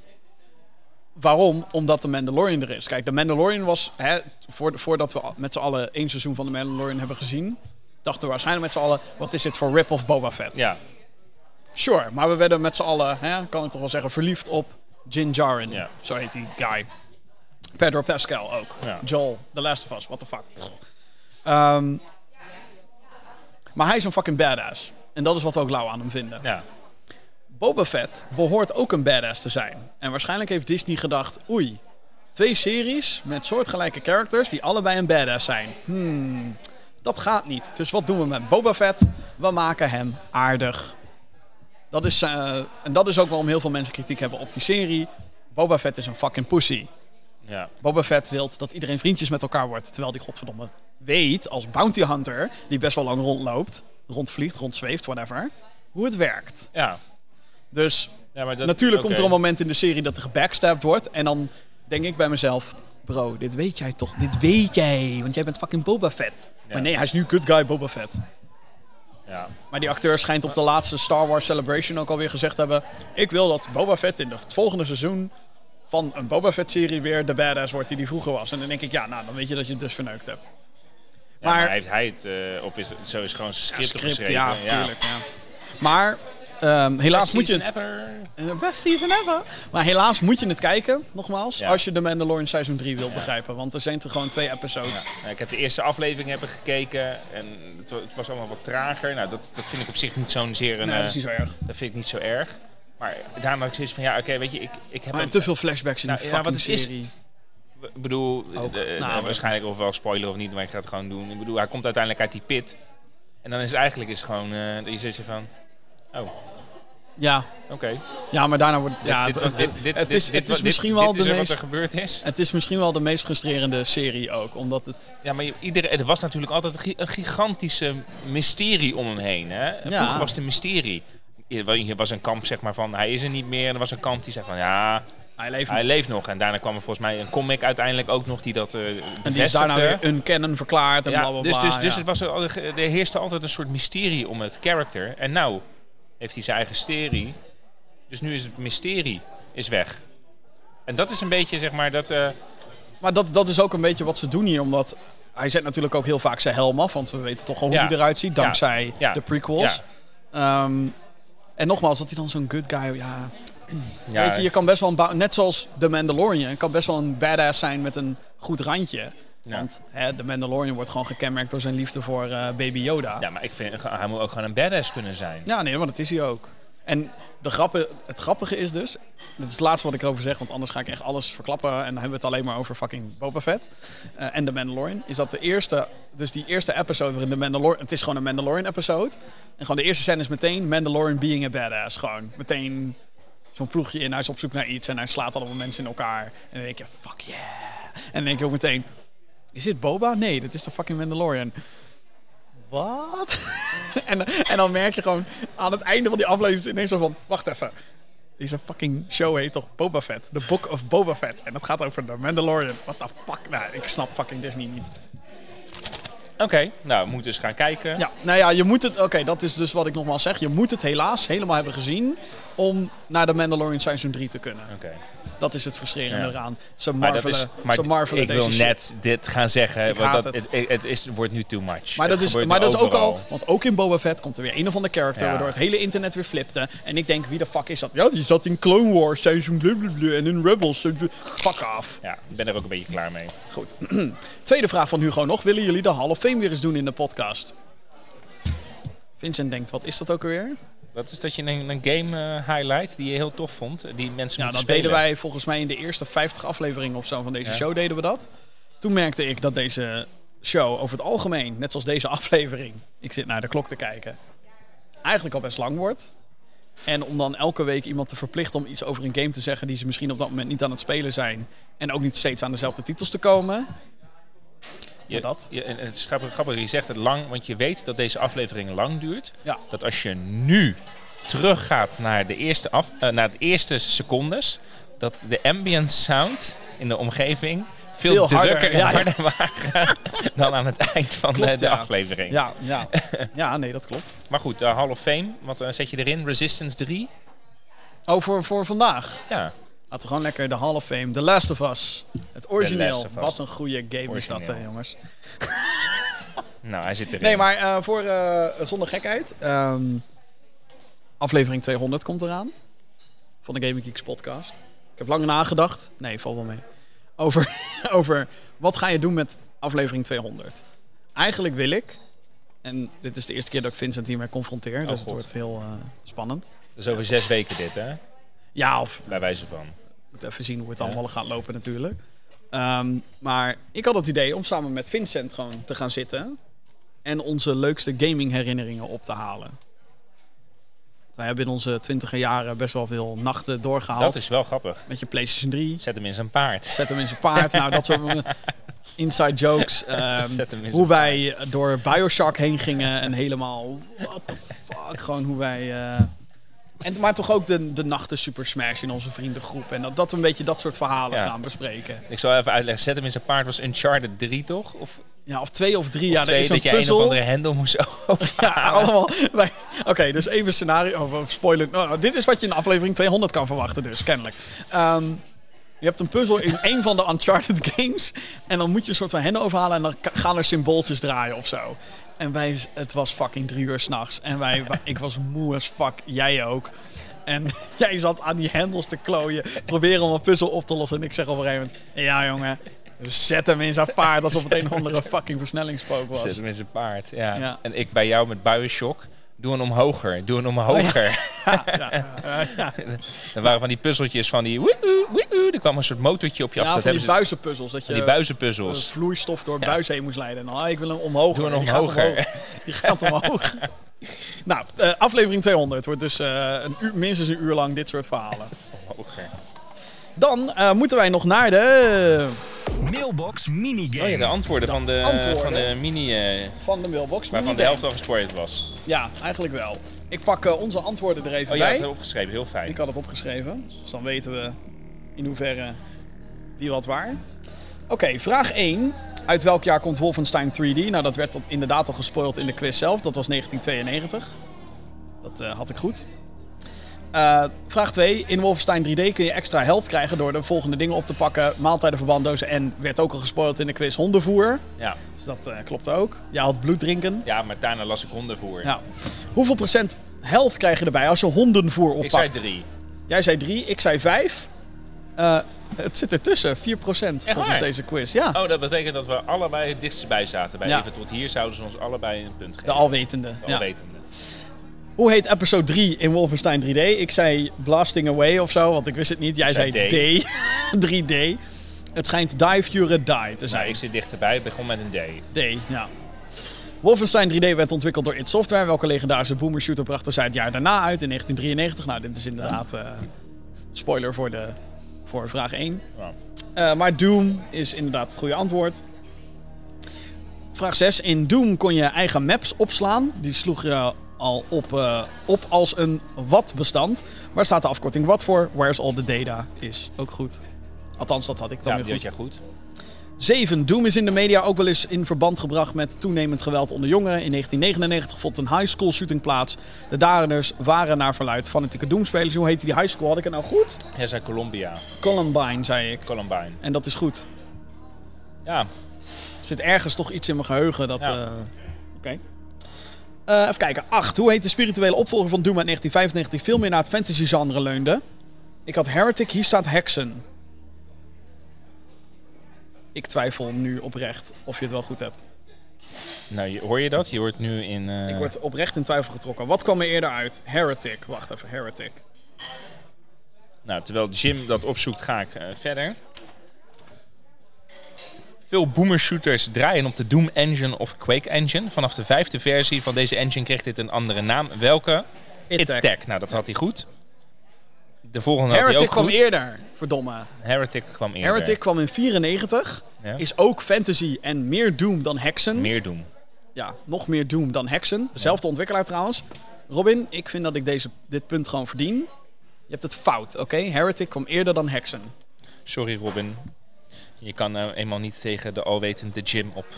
Op welke versie van deze engine draait Doom Eternal? Want ook dat had hij goed. Zeven? Had- Ik had zeven. 7. Oh, wauw. Jij had negen. Ik had 9. Oké, ja. Welke metalband heeft de soundtrack gecoverd van Duke Nukem? Megadeth had ik. Megadeth, dat klopt hartstikke ook. goed, tuurlijk. Hoe heet de schrijver van Shadow Warrior 3? Ik had geen idee. Jij zei Daniel Gardner, omdat het in Ja. de vraag daarna stond. Alexander Sanjach. Tuurlijk. Wie de fuck is dat? Alexander Sanjach. Ja, de schrijver van Shadow van Warrior 3. Shadow Warrior 3. Eh, en wat is het uiteindelijke doel van Daniel Garner in Painkiller? Ik had geprobeerd Limbo te ontsnappen uit... eh, Ja, ik, ik, en, en, en- en wat is Limbo ontsnappen? Wat gebeurt er dan? tussen hel en eh, dat hij naar de hemel kan. Nou, nu heb je hem goed. In de hemel komen om, Naar zijn vrouw te gaan. om zijn overleden vrouw vrouw. te zien. Ja, Hij was overleden in een car crash. ja nou, dat, eh, dus eh, je Wauw, hebt er heel veel goed. Ja. Behalve de Eh, schrijver van Shadow Warrior 3. Behalve de, ja, dat vind ik wel een beetje En- en- teleurstellend. En de derde episode van Wolfenstein 3D Ja. wist ik niet. Nee. Durf je. Dus eh, Derde episode van Doom weet ik wel, dat is Inferno. Maar die ja, quizjes, eh, keep them coming. Ja, uh, podcast.gamergeeks.nl. Dat is het mailadres, eh, mailadres waar je dit soort quizjes kwijt kan. Of andere vragen natuurlijk voor de show. Daarmee zijn we met twee uur opnametijd aan het einde gekomen van deze aflevering van de Gaming Geeks podcast. Aflevering nummer 194 was dit. Ehm, Applausje, we zijn niet weggestuurd. we zijn niet weggestuurd. Nee. We hebben wel iedereen in onze omgeving hebben weggepest. Ja, we kregen wel wat blikken net, ja. Of het net, al twee uur lang krijgen we wel een beetje zo van wat de fuck zijn die Wat- gasten daar aan doen. Maar Ja. ja. En, eh, Voel je game, ook wat veiliger nu? Voel je ik, wat ik voel me veiliger, ja, maar weet je, daarom bestel ik ook eten. En dan kunnen ze me niet zomaar wegsturen. Want dan zeggen we, ja, ik heb hier nog eten liggen. Ja. Ja, klopt. Ja, dan, eh, terwijl wij nog even gaan genieten van de laatste bitter garnituur. ga ik jullie een hele fijne voortzetting van je dag, nacht of avond wensen. Ja, vergeet natuurlijk niet op de, show te, op de show te abonneren via je favoriete podcastdienst, zoals Apple Podcast en Spotify. Videoversie is te vinden op youtube.com slash gamergeeksnl. Ehm, heel erg bedankt voor het luisteren en heel graag tot de volgende keer. Doei!